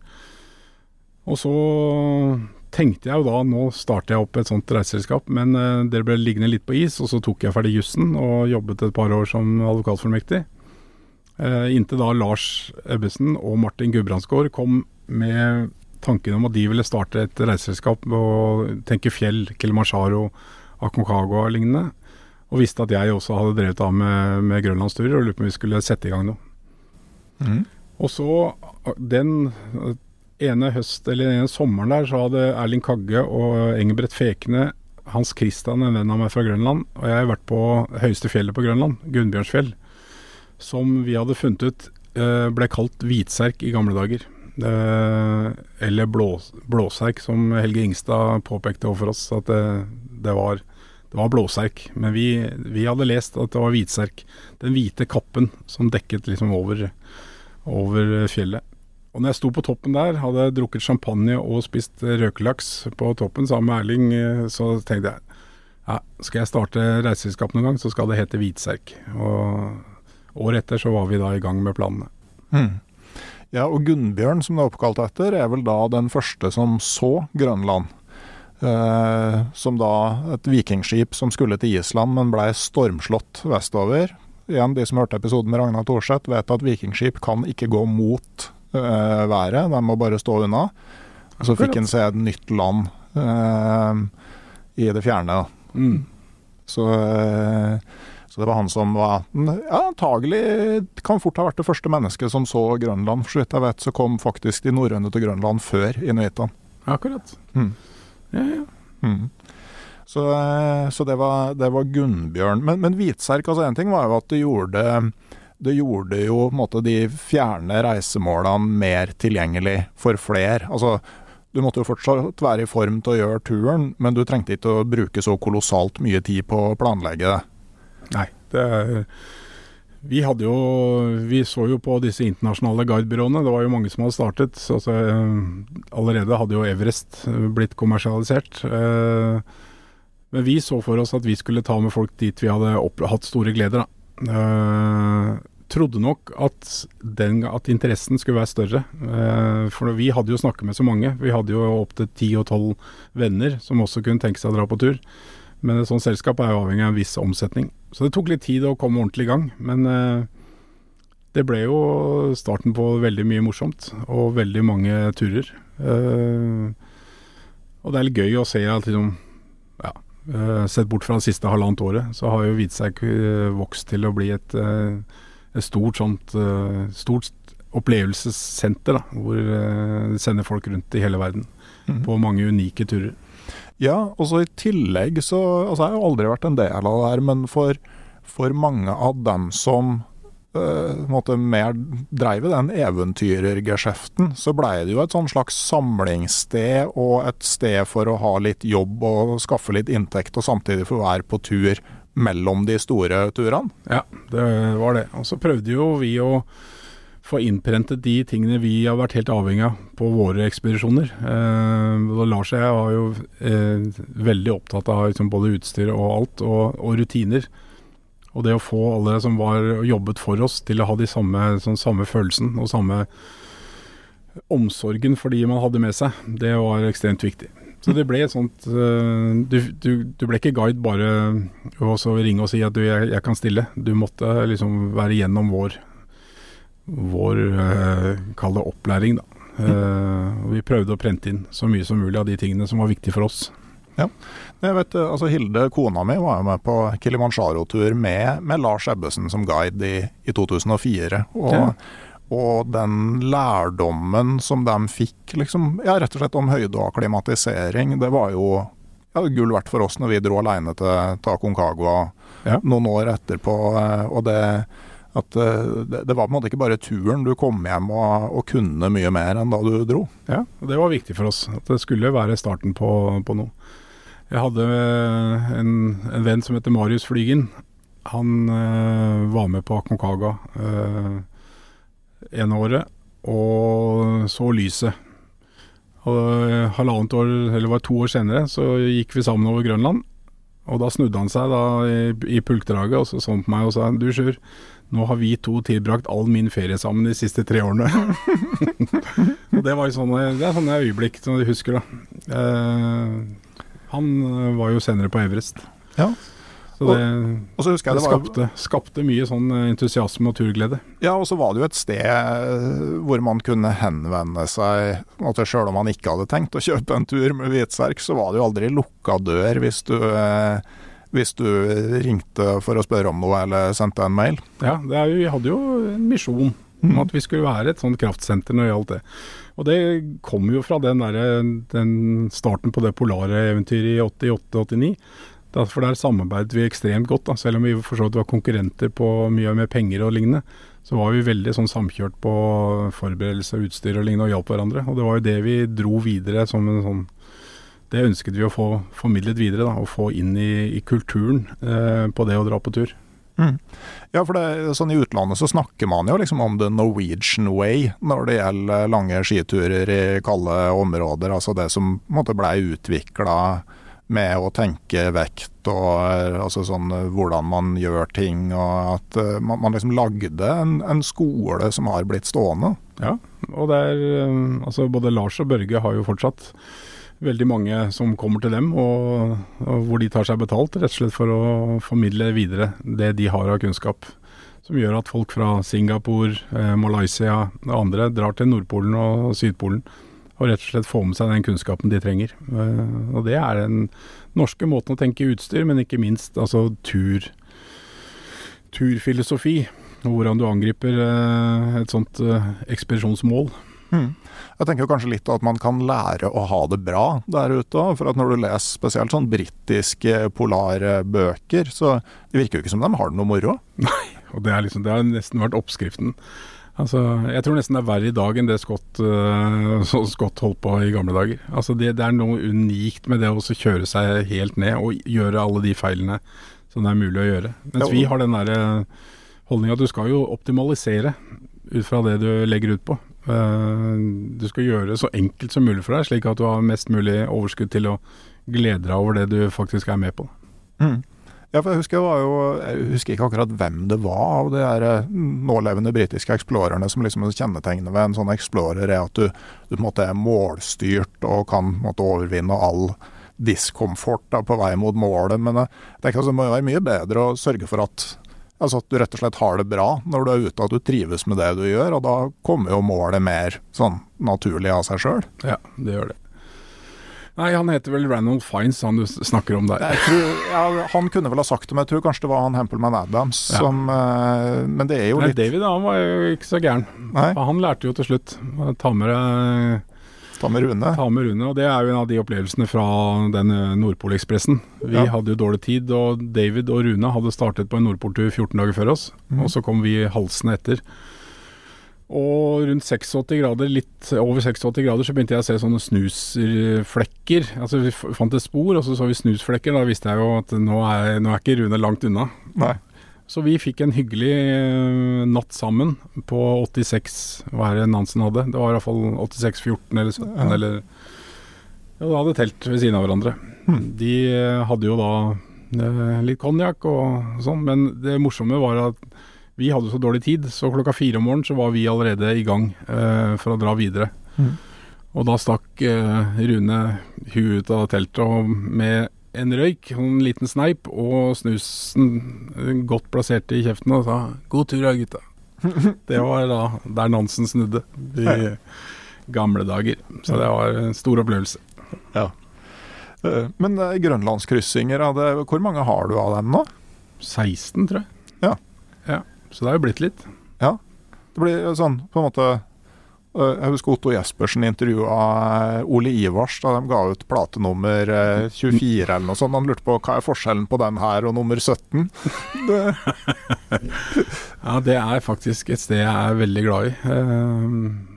For meg, altså Det har utviklet seg fra, fra selvfølgelig første gang å prøve noe på egen hånd, til å bli en guide. da som har er, Alle turene har jo vært, uh, vært som guide etter, etter den første. Uh, og det er For meg er det bare Det er ferie. Uh, og det er like stort hver gang. Jeg opplever Det har jo vært mye av den samme turen, men heldigvis så går det ikke så mye sånne spor over Grønland, så det oppleves ganske ferskt hver gang. Og det er, det er en unik opplevelse. Så når du er Antagelig som seilere. Altså det å se 360 grader horisont. Uh, og det å få lov til å gå på ski og være sammen med gode venner og folk du Du prøver å gi samme følelsen. Det er, det er, det er fortsatt noe som drar meg dit. Mm. Hva er nøkkelen for å gi ei sånn gruppe en fin tur? Det er trygghet. Mm. Også det å gjøre dem forberedt. Det er ikke alle turene som, hvor alle har vært like godt forberedt, men det er jo det å vite, vite begrensningene til de som er med. Du vet når du skal stoppe, uh, og når du kan kjøre, kjøre på litt. Mm. Og de opp, opp- og nedturene som de aller fleste ferske opplever på en sånn tur. Da. Den herre Forskjellen fra et fjell, da, hvor du ligger i en basecamp og ser opp på et fjell, du ser toppen, du ser målet hele tiden, eh, og komme til Grønland hvor du ikke ser målet før du er der, eh, det er to helt forskjellige turer. Så det å gi dem for det første den tryggheten å vite at det er en som uh, følger godt med, og ikke minst da det at jeg er oppmerksom på at det kommer nedturer og oppturer. Mm. Og kunne hjelpe til de dagene det er litt ekstra tøft. Ja. Eh, hvordan gjør du det med, med dagsetapper og tempo og sånn? Er det gradvis opptrapping, eller? Ja, det er gradvis opptrapping. Mm. Uh, det spesielle med Grønland er at det ofte er det fysisk, rent fysisk er det en ganske tøff start gjennom det brefallet, som av og til handler om å vasse og bli våt og plumpe litt. Og, men så kommer man inn på denne vidda, og da begynner ting å gå ganske greit. Og så er det som regel etter fire-fem dager så begynner man kanskje å synes synd på seg selv litt. Grann. At er, na, de andre gjør ikke som, som de burde gjøre, og det er mye rart. Og så gjelder det å få, få vite om denne nedturen, som gjør at da du kommer fort opp igjen. Eh, og så er det ja, kjøre delmål egentlig på den turen òg. Altså, først har vi den Dai-stasjonen som vi gjerne går innom. Det er en fin sånn avbrekk for å få en restart etterpå. Og så er det over toppen, og så er det å glede seg over de fantastiske opplevelsene på østkysten. Når man kommer i, med, og er heldig med været med, med sol, soloppgang, og, eller at sola liksom bryter gjennom tåkelaget, og eh, isfjellene på fjorden åpenbarer seg og sånn. Det, eh, det, er magisk. Mm. Eh, jeg har jo en del som støtter podkasten via Patrion med frivillig abonnement. Det er plass til flere. Men de eh, får jo da lov å komme med innspill til spørsmål når, eh, når jeg, til en del av episoden. Og det var én som mente at du var kjent for å kun ha ett tempo. Og det var litt høyere enn det de fleste var komfortable med. Er det noe du kjenner deg igjen i? Ja, det, det kan jeg godt. Altså man er ikke mer erfaren enn at når du kommer først i sporet der, for vi bytter jo på hele tiden, mm. går en time hver foran som regel, så er det, det er vanskelig å styre det. Så av og til så går det litt fort. Og så er det Noen ganger hyles det, og da skjønner man det. Eller så er det jo pausen som da, hvor man da får passet sitt påskrevet. Mm. Så det er eh, Men jeg er jo glad i ja, å kjøre litt hardt. Eh, så de siste turene har jo ofte vært sånn at vi skal prøve å gjøre det på noen på litt kortere tid da, enn mm. det som er normalen. Mm. Og det er jo greit hvis man er omforent om det, men jeg tenker på altså det er jo ingenting som gjør deg mer sliten enn konsekvent å måtte gå litt fortere enn det du er komfortabel med. Ja, da blir man sliten. Mm. Mm. Både mentalt og, og rent fysisk. Ja. Og mye går på forskjellig skiteknikk. Ikke så mye med styrke og sånn, men det å kunne håndtere håndtere ski, at de går parallelt selv om du ikke ser skia. Selv om det er whiteout og lignende. Det er ofte der det butter, at de som uh, sliter litt med skiteknikken, de får ofte større trøbbel der. Mm. Og da gjelder det å få tilpasse seg. og det, Jeg skal ta all mulig selvkritikk hvis jeg har gått, gått ned noen for hardt på den måten. Mm. Men det er jo, altså man har jo ofte et sånt tempo som er naturlig, og hvis ingen sier fra, så er det jo det vanskelige. Ja, det er Eh, men sånn med, med, proviantering og sånn, stemmer det at du har diabetes? Ja da, ja. det har jeg hatt nå. Broderen fikk det først. Mm. Det er noe sånn hvis du går krysser Antarktis, så får du diabetes. Uh, vi vet ikke hvorfor vi har fått det, men han fikk det først. Uh, han hadde jo noen stygge opplevelser med den diabetesen på Everest da han gikk opp der. Mm. Uh, og jeg fikk det et par år etter den. Men det har Det går fint, det, på turer. Bare man er vet hva som skjer. Altså det er jo mange som er flinkere enn meg til å regulere, eh, regulere den sykdommen eh, hjemme. Men det, det, er av og til folk som tenker likt når de skal gå over Grønland, og det nytter ikke. Så du kan si jeg er blitt ganske erfaren ekspedisjonsmann med diabetes. Og vet, vet, hva jeg skal gjøre og ikke gjøre. Ja, Hva er det det, er det, går på? Det går jo på at du har en helt annen forbrenning når du er på en sånn tur. Uh, og det å da kjøre kjøre for mye insulin kan jo føre til sånne kjempedropp på en tur. Mm. Så mitt forbruk av insulin er jo markant mindre på Grønland enn det er her hjemme. Ja, På tross av at matinntaket er vesentlig høyere? Ja. Mm. ja, det er det. Og mer søtt, egentlig, når du er på tur. Mm. Uh, det, men det er jo noe man lærer seg etter hvert. Mm. Så uh, jeg har prøvd å rådgi noen ja. uh, på disse tingene. Mm. Men parallelt med, med, med hvitserkgründinga, eller ganske fort etterpå, så havna du jo inn i sportsbransjen med, med Sportsnett. Ja, det var jo broderen og meg igjen, da. Mm. Etter disse turene så var jo vi eh, Det var jo mange som syntes det var litt kult at vi hadde gjort disse både Nordpolen og Sydpolen. Og, og Simen ble Han jobbet i Eli Hansen. Så han ble invitert ned av en av de store kundene til Helly i eh, Nederland. Uh, Bever Schwersport og Fred van Olfen, som da var eier av dette her, for å holde noe foredrag. Og Fred var så fornøyd med at han, Simen ble med rundt omkring og holdt foredrag, så han sa er har dere en idé, uh, så skal jeg være med og hjelpe til. Og så kom vi opp med da Vi hadde jo fått e-mail i 96, tror jeg, eller ja, i hvert fall mobiltelefon har vi fått Og så hadde vi hørt om dette internettet. så det var Så i syv, ja, 96, 96 så begynte vi å drodle ved dette. Simen mente at vi måtte eh, vi, vi, måtte prøve å få til noe på internett, og ikke gå de vanlige, tradisjonelle veiene. Så da fant vi på Sportsnett som skulle være en internettbutikk, men da med parallellimport. Vi skulle kjøpe varer gjennom Bevers Vesport og selge det i Norge. Og var nok eh, de da, de, den gang, de rampete gutta i klassen. Det er jo blitt andre rampete etterpå, men vi var de første liksom, som starta det at vi da hadde et lavere prisbilde og kjørte på med varer fra, fra Nederland. Mm. Og det var jo en uh, stor suksess. Altså Vi åpna i slutten av februar i 98. Uh, det var ikke så veldig mange andre som hadde starta nettbutikk da, men uh, vi gjorde nå det. Og det gikk 20 minutter, husker jeg, fra vi hadde åpna til vi fikk for første ordre. Og da visste vi at vi hadde noe på gang. Mm. Og det vokste og vokste. Ja, og midt i denne så kom dotcom-tiden. Mm. 99 var vi jo verdsatt til masse penger og i bytte av aksjer og det var ikke måte på.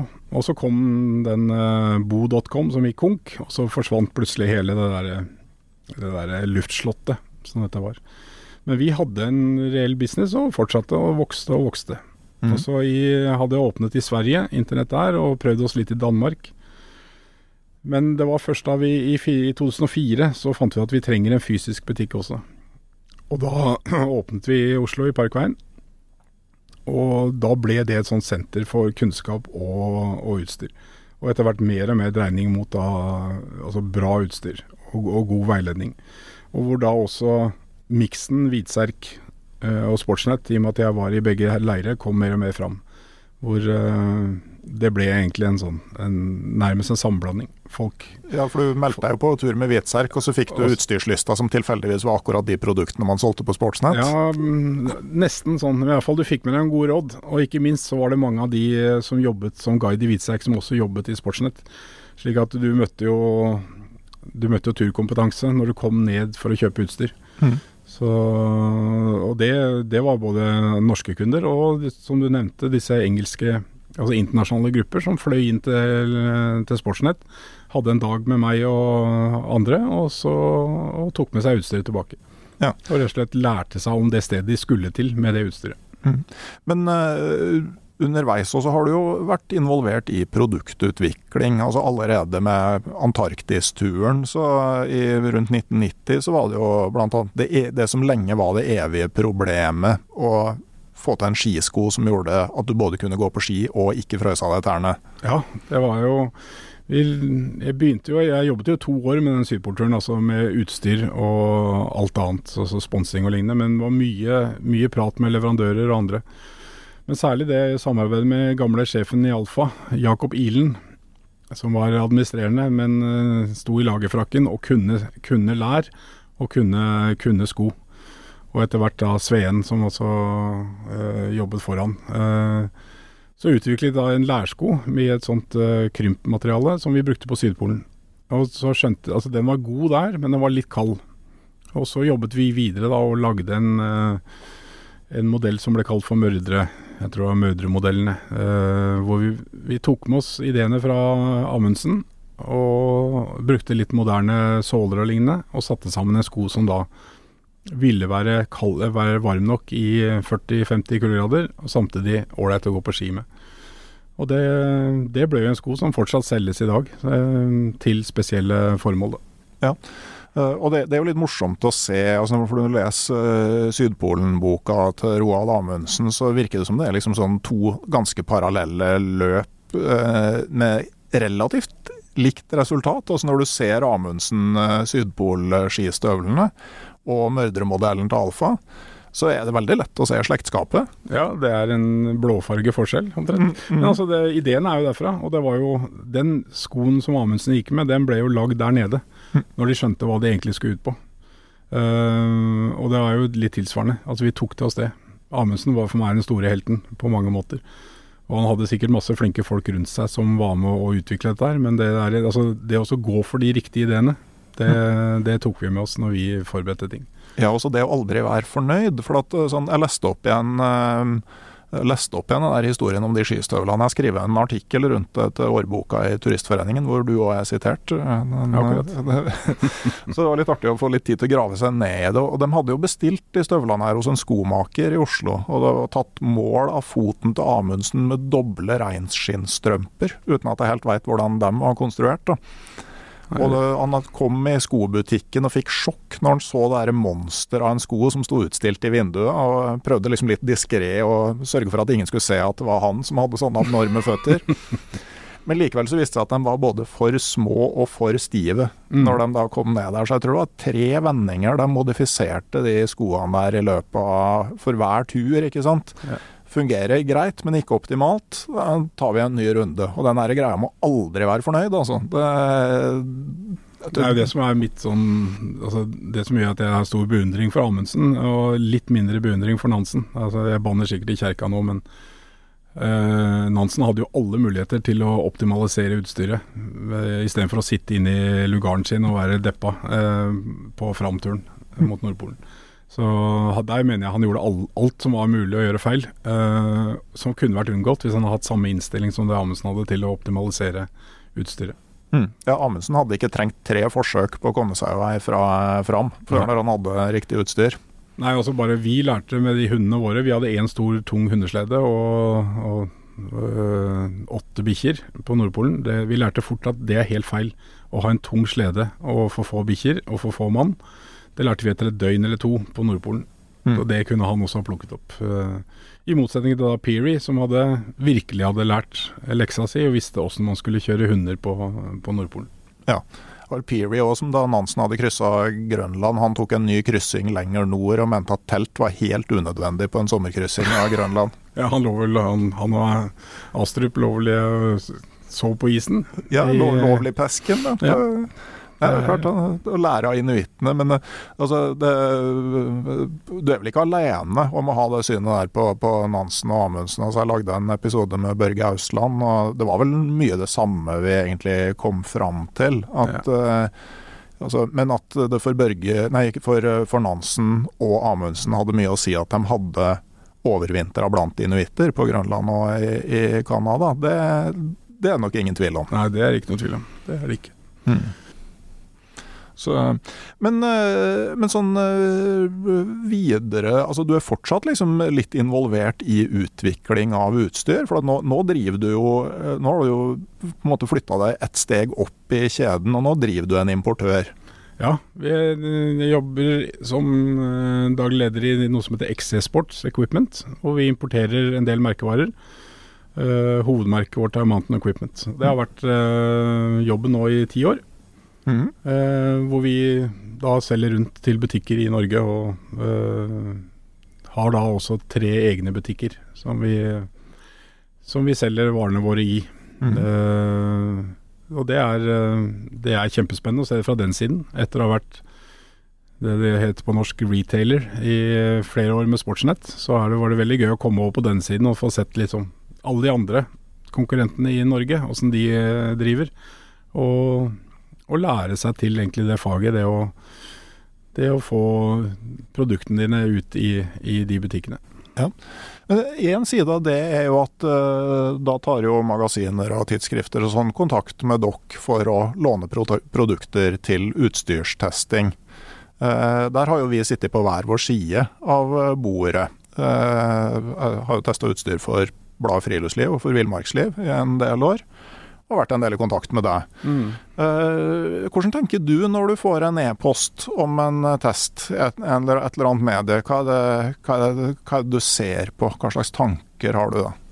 Nei, Først og fremst hvor, hvor seriøst dette her er. Altså, jeg har jo opplevd og jeg har hatt mye erfaring med det, uh, både gode og dårlige, uh, hvor folk er for Altså samler inn en god del utstyr, lar det ligge i skuffen, og så skriver en eller annen eh, mening om dette her, uten at det egentlig har fått brukt ordentlig.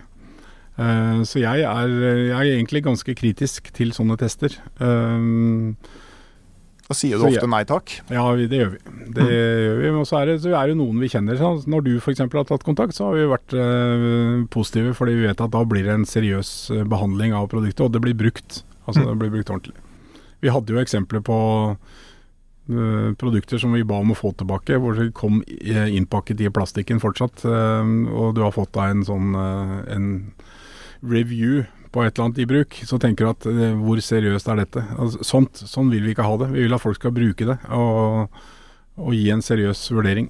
Mm. Så det, Derfor blir det mindre og mindre. og Litt av problemet er at du har et sånt tempo på utvikling i dette her. Ikke nødvendigvis at det går alltid samme veien, men produktene endres hele tiden. Mm. Og vi har hatt uh, folk som har testet utstyr for oss, som kommer tilbake med en uh, fin artikkel og skryter uh, produktet opp i været. Og hvor produktet faktisk har gått ut av produksjon. Altså, da skaper det bare mer trøbbel, for da kommer alle mailene 'Kan du skaffe den og den?' Nei, beklager, den gikk ut av Den solgte vi tom i fjor. Mm. Så det er en sånn Man må se an litt, og så vurdere hvor, uh, hvor, seriøse folk er. Og så er det en veldig kort avstand fra det utstyrstest og, og kritikk og vurdering av utstyr til produktplassering. Eh, der er det Ja, det er en glidende overgang. Og det er klart, uh, man kan av og til ønske å få en god produktplassering. Uten at man da forventer at det skal være en ordentlig redegjørelse for produktets kvalitet og og hensiktsmessighet. Mm. Men jeg tenker jo sånn fra, fra, fra min side, da. Altså sånn, sånn jeg alltid har gjort. At jeg har jo sendt Når jeg skal ha skrevet noe om et produkt, så har jeg sendt det til, til gjennomlesing før det går i trykken. Altså fordi at ikke fordi at jeg egentlig har tenkt å gi etter på med noe, men altså du kan ha faktiske feil. Og så kan det være ting du har, ikke har tenkt på, som, mm. Eh, som, det er greit å få sparring på. Jeg tenker at det, det gjør jo måtte, sluttproduktet bedre. Men, men, det er påfallende altså Jeg har aldri fått kritiske merknader på metodikk dersom utfallet av testen er godt for produsent eller importør. Nei, det er jo, men da er man jo stort sett glad, da. Ja. Eh, men det er jo det som jeg syns er viktig, det er nettopp det at du gir, kall det mulighet for tilsvar. Uh, og kanskje før, før, det kommer ut offentlig. For det, er alltid et eller annet vi, vi, sitter med en annen inngang til produktet enn det du gjør. Altså Du får et ferdig produkt. Vi har kanskje vært med i utviklinga av det og ser, har en, liksom, tenkt en, en, filosofi bak produktet. Mm. Og det er viktig hvis du har misforstått noe, at man da kan få korrigert det. Mm. Men uh, det, friheten til å gi den vurderingen, den er, står jo helt opp til, uh, til deg som tester. Ja, ja for, det, for, det, er jo litt sånn påfallende at mange innenfor bransjen har liksom mye sånn, ikke alltid så positive ting å si om utstyrstesting som sådan, men samtidig så brukes det jo for alt det er verdt hvis man har fått en toppkarakter eller en testvinner. At, uh, det er en slags dobbeltmoral der òg, tenker jeg. Ja, men hvor hadde det vært uten dobbeltmoral? Nei. Nei sånn, det, det, jeg syns er litt vanskelig ofte, er jo at uh, når du skal Spesielt sånn sammenlignende tester, det, hvor du har mange produkter av samme type, det, det er fryktelig vanskelig. For at uh, du vil jo ikke teste epler mot pærer, uh, helst. Skal, men samtidig, hvis du har ti produkter som egentlig er kliss like, så er det òg fryktelig vanskelig å påpeke forskjellene. Ja, men eh, det er kanskje den største sånn innsigelsen, at det ofte blir eh, testet epler mot pærer. Mm. Og da faller liksom litt av ønsket om å få, en, få en real god uh, vurdering uh, bort. For du vet at det blir helt feil. Mm. Altså Dunposer mot fiberposer, i verste fall. Altså, ja. Det er forskjellige formål, forskjellige egenskaper. Det er, det er mye rart der. Så det er eh, gjerne førstetesten når man ser liksom vi, vi, ønsker å få tilsendt produkter som har sånne og sånne egenskaper og skal tåle fra pluss 5 til eh, minus 20 grader, og så skal vi liksom Det er eh, da, da, legger man det gjerne bort. Mm. Eh, men samtidig så er jo det å få en seriøs vurdering er kjempeviktig, det. Ja. ja, og så er det jo den der, alltid den trade-offen mellom å ja, Altså Du ønsker jo å ha et bredt spekter av produkter. Eh, samtidig som, ikke sant, hvis du har 20 soveposer og skal bruke dem 20 døgn hver, så har du over et år i felt som må gjennomføres for å, for å få til det. Og du kan jo ha forskjellige personer som gjør det, men, eh, men, da er det vanskelig å vurdere på tvers mellom produktene. Ja, det er det. Og derfor er det ofte at sånne sammenligningstester da enten blir veldig forsinket eller har veldig lite verdi. Ja. Og, og, så er det jo ikke sant at sånn, soveposer er jo kroneksempelet på at uh, altså sånn å vurdere reelle temperaturgrenser og sånn på grunnlag av at du ligger i posen. Det er så utrolig mange variabler som du ikke har kontroll over. Uh, sånn at uh, Det er jo sånn du egentlig bør måle. Men det ligger jo da spesielt i Norge langt utafor de økonomiske evnene som, som tidsskriftene har. Ja, Det er det ene. Det andre er jo, som du sier, altså hvordan oppleves det? Viktig, altså, klarer du å ha en robot som er, eh, har gått i åtte timer eh, og legger seg ned i, under samme forhold, samme luftfuktighet og eh, samme hydrering i kroppen og alt sånn over tid? Altså det, du får ikke til det. Nei. Og disse, disse, testene som blir gjort på disse labene, det er jo også veldig, veldig forskjellig. Altså hvilke, hvilke hva heter det, ISO-standarder de bruker. altså og nesten alle leverandører, så vidt vi vet iallfall, de bruker gjerne da det som har slått ut best. Mm. Selv om det kanskje ikke har, eh, er det som er nærmest virkeligheten. Mm. Så det er jo Vi prøver ved hjelp av vår nettside i hvert fall, og særlig Kristoffer som er, eh, er, nøye på dette, vi prøver å gi, gi et, et, godt råd til brukeren. Mm. Altså ut fra de og de forutsetningene bør du bruke den og den soveposen. Og det føler vi er eh, Altså, det er ikke lett, for det blir én-til-én-kommunikasjon i forhold til å kunne bare sette noe på et ark og si sånn er det. Men øh, jeg tror det blir viktigere og viktigere fremover. At folk skal kunne få vite en real god vurdering av det produktet, sett opp mot den bruken man øh, ser for seg. Mm. Si, de, de, som er interessert i den EN 23537-standarden for soveposer, så har jeg, hvis du blar tilbake i, i podkastens arkiv, så så har jeg en hel episode sammen med Sintef-forsker Øystein Wiggen hvor vi, hvor vi dissekerer den eh, standarden eh, ned i sine enkeltdeler og ser på, på måte, hva sier den noe om, men også hva sier den faktisk ingen verdens ting om. For at uh, den er jo et verktøy for å sammenligne soveposer, men det er slett ikke alle egenskaper ved produktet som den heller klarer å ta inn. Nei, overhodet ikke. Og til dyrere og varmere pose det er jo gjerne der liksom, du tenker det er viktig at den tåler 25 eller 30. Der funker ikke testen i det hele tatt. Så det er, uh, det er, sånne ting som er, uh, gir, gir, noen utfordringer, for å si det sånn. Mm. Nei, det, det, er jo ikke sant. En standard må jo sette noen beskrankninger på, på hvordan virkeligheten rundt skal være, men så, så er jo ikke alltid virkeligheten innafor det. Og det er jo spesielt det med respons på fuktighet. Det er jo um, er jo noe som soveposestandarden da ikke klarer å ta inn i det hele tatt. Ja, helt klart. Nei, det, det, kunne vi snakket om en hel dag, akkurat det der. Men uh...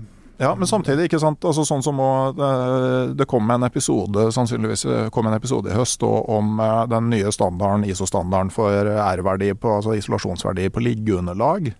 Og det er jo òg for så vidt et sånt godt verktøy i utgangspunktet, men der òg så er det jo veldig mange variabler som der. kommer inn som, eh, som, det er viktig å være klar over. Sånn at R-verdi er ikke nødvendigvis eh, det hele og det fulle svaret, i hvert fall ikke over tid. Det var veldig godt å høre du si det. For mm. det er eh, ja, det er min, min bruk, da. Jeg har vært avhengig av ganske mye underlag opp igjennom. Og det, det, har sjelden noe med R-verdien å gjøre, mm. hva, hva, som velges. Nei, Man må i hvert fall være litt klar over hvilke, måte, hvilke begrensninger den standarden også har. Da. For mm. det, altså, alltid når du, når du, lager en standard for noe, så, så må du ta valg. Og, ja. og, du kommer i situasjoner som går på tvers av de valgene som, som standarden har tatt. Da. Ja, helt klart. Jepp. Mm. Men um, det var eh, veldig hyggelig å få komme på besøk og, og prate med deg, Sjur. Som, som, sagt, men en ting jeg lurer på, altså den eh, boka fra Antarktis-turen, uh, som da Ralf Høybakk og, og broren din Simen skrev hver sin del av, den, den er, ligger da altså 127 sider pluss register ligger i Nasjonalbiblioteket. Hvis Aslak Sira Myhre hører på, han er vel sjefen for hele Kostebinderiet, så må han få tak i en nytt eksemplar og få digitalisert de siste 20 sidene.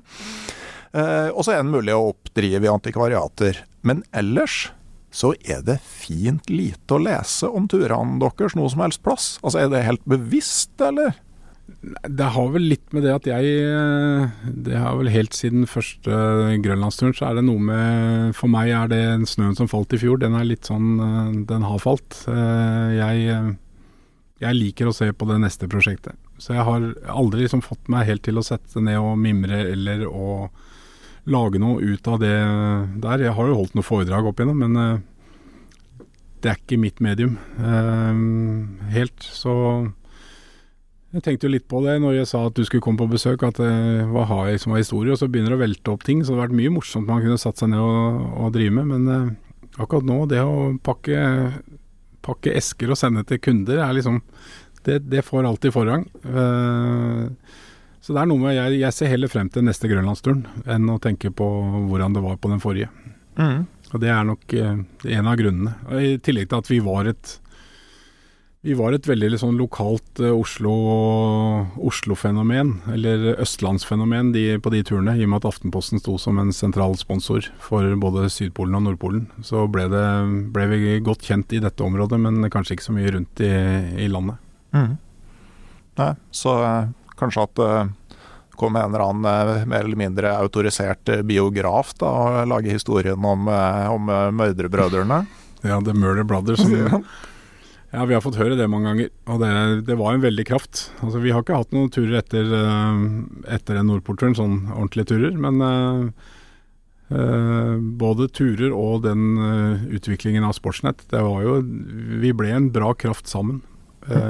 så det var godt godt brødreskap sånn sett. Og vi skal mimre litt om det på torsdag på en lunsj. Mm. Bursdagslunsj for lillebror. Ja. Lillebror begynner å bli stor, han òg? Ja, han er tørr bak ørene nå. Men han er fortsatt lillebror, ikke sant? Nei, han er, uh, han, vi, er vi, har egentlig aldri sett på det som det. Det var de første årene, stakkar, når, når jeg var litt sprekere enn han på, på treninga i 12-13-14-årsalderen. Hvor han uh, gikk og hang litt etter på langtur. Mm -hmm. Så jeg og noen venner vi kjørte ganske hardt den gangen òg. Hvor han eh, Vi syntes han sutra litt. Han var blitt litt sånn sutrete. Så viste at han hadde løpt rundt med brukket fot da i et uh, par-tre uker. Men det, det, er sånn. Det, dette, det fikk han tåle. Mm. Ja. Så det er klart han har, han har hatt uh, sitt å stri med, han også. Men uh, det er det, det, er jo litt sånn greit for din del, ikke sant. Altså ett år er jo mye makt i ung alder. Men du slipper det at eh, det blir veldig mye avmakt i, i, i meierårig tilstand. Begrepet som Ragnar Thorseth brukte, han, eh, han ville ikke kalle seg gammel. Han var ikke mindreårig, men da måtte han være meierårig. meierårig. Ja. Nei, Hos meg går det heller på at min lillebror påstår at han er en halv centimeter høyere enn meg, og det er klart det er mye verre. Ja, den, den sitter langt inne. Men, men nå, nå, sitter vi her i oktober 2021. Uh, eh, verden har vært mindre i ett og et halvt år nå. Hva er det du måtte lengte etter å sette i gang med, nå som verden kanskje blir litt mer åpen? Det verste er at jeg har vent meg litt til dette her. Jeg har ikke de der helt Altså jeg er ikke sånn som har sjekket veldig mye steder rundt i verden ennå. Jeg har liksom følelsen at jeg, hatt, vi har hatt det egentlig veldig bra i familien med liksom kunne roe ned det. Det har, vært, det var veldig mye reiser frem til pandemien. Eh, det har egentlig vært deilig å roe litt ned. Kanskje bare fortsette sånn, da? Tror nok det, men uh, dukker opp en skitur et eller annet sted, så kan mm. du hende. Ja, det går jo an å prøve Hardangervidda eller Finnmarksvidda eller noe sånt òg. Ja, jeg er veldig lite kjent i Norge.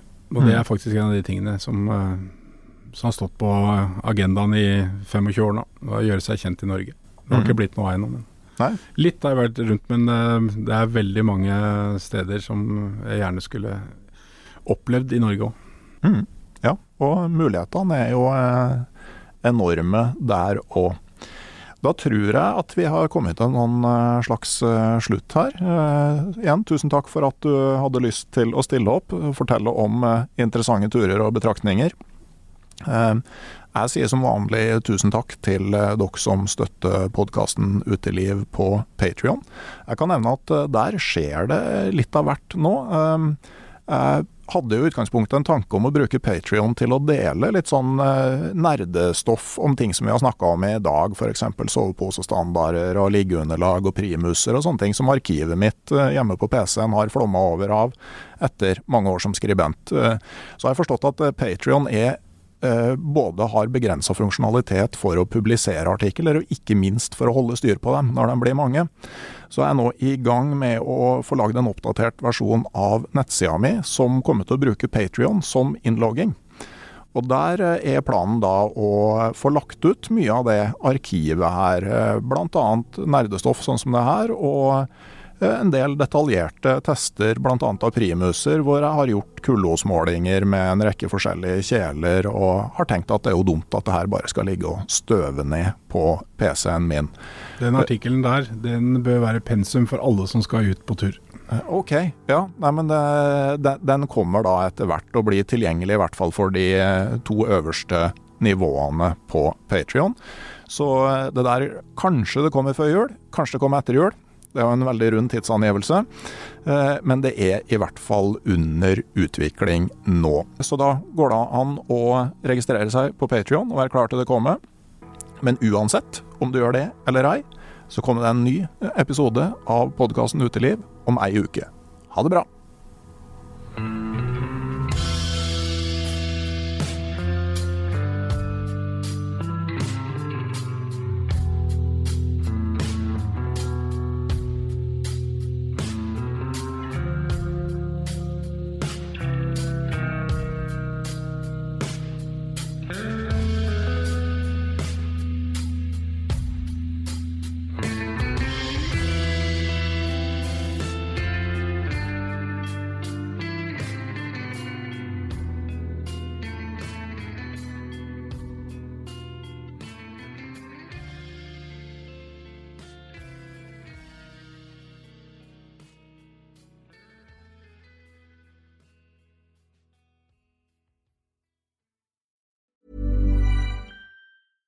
Ever catch yourself eating the same flavorless dinner three days in a row?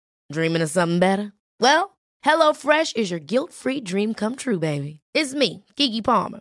Let's wake up those taste buds with hot, juicy pecan-crusted chicken or garlic butter shrimp scampi. Mm. Hello Fresh. Stop dreaming of all the delicious possibilities and dig in at HelloFresh.com. Let's get this dinner party started.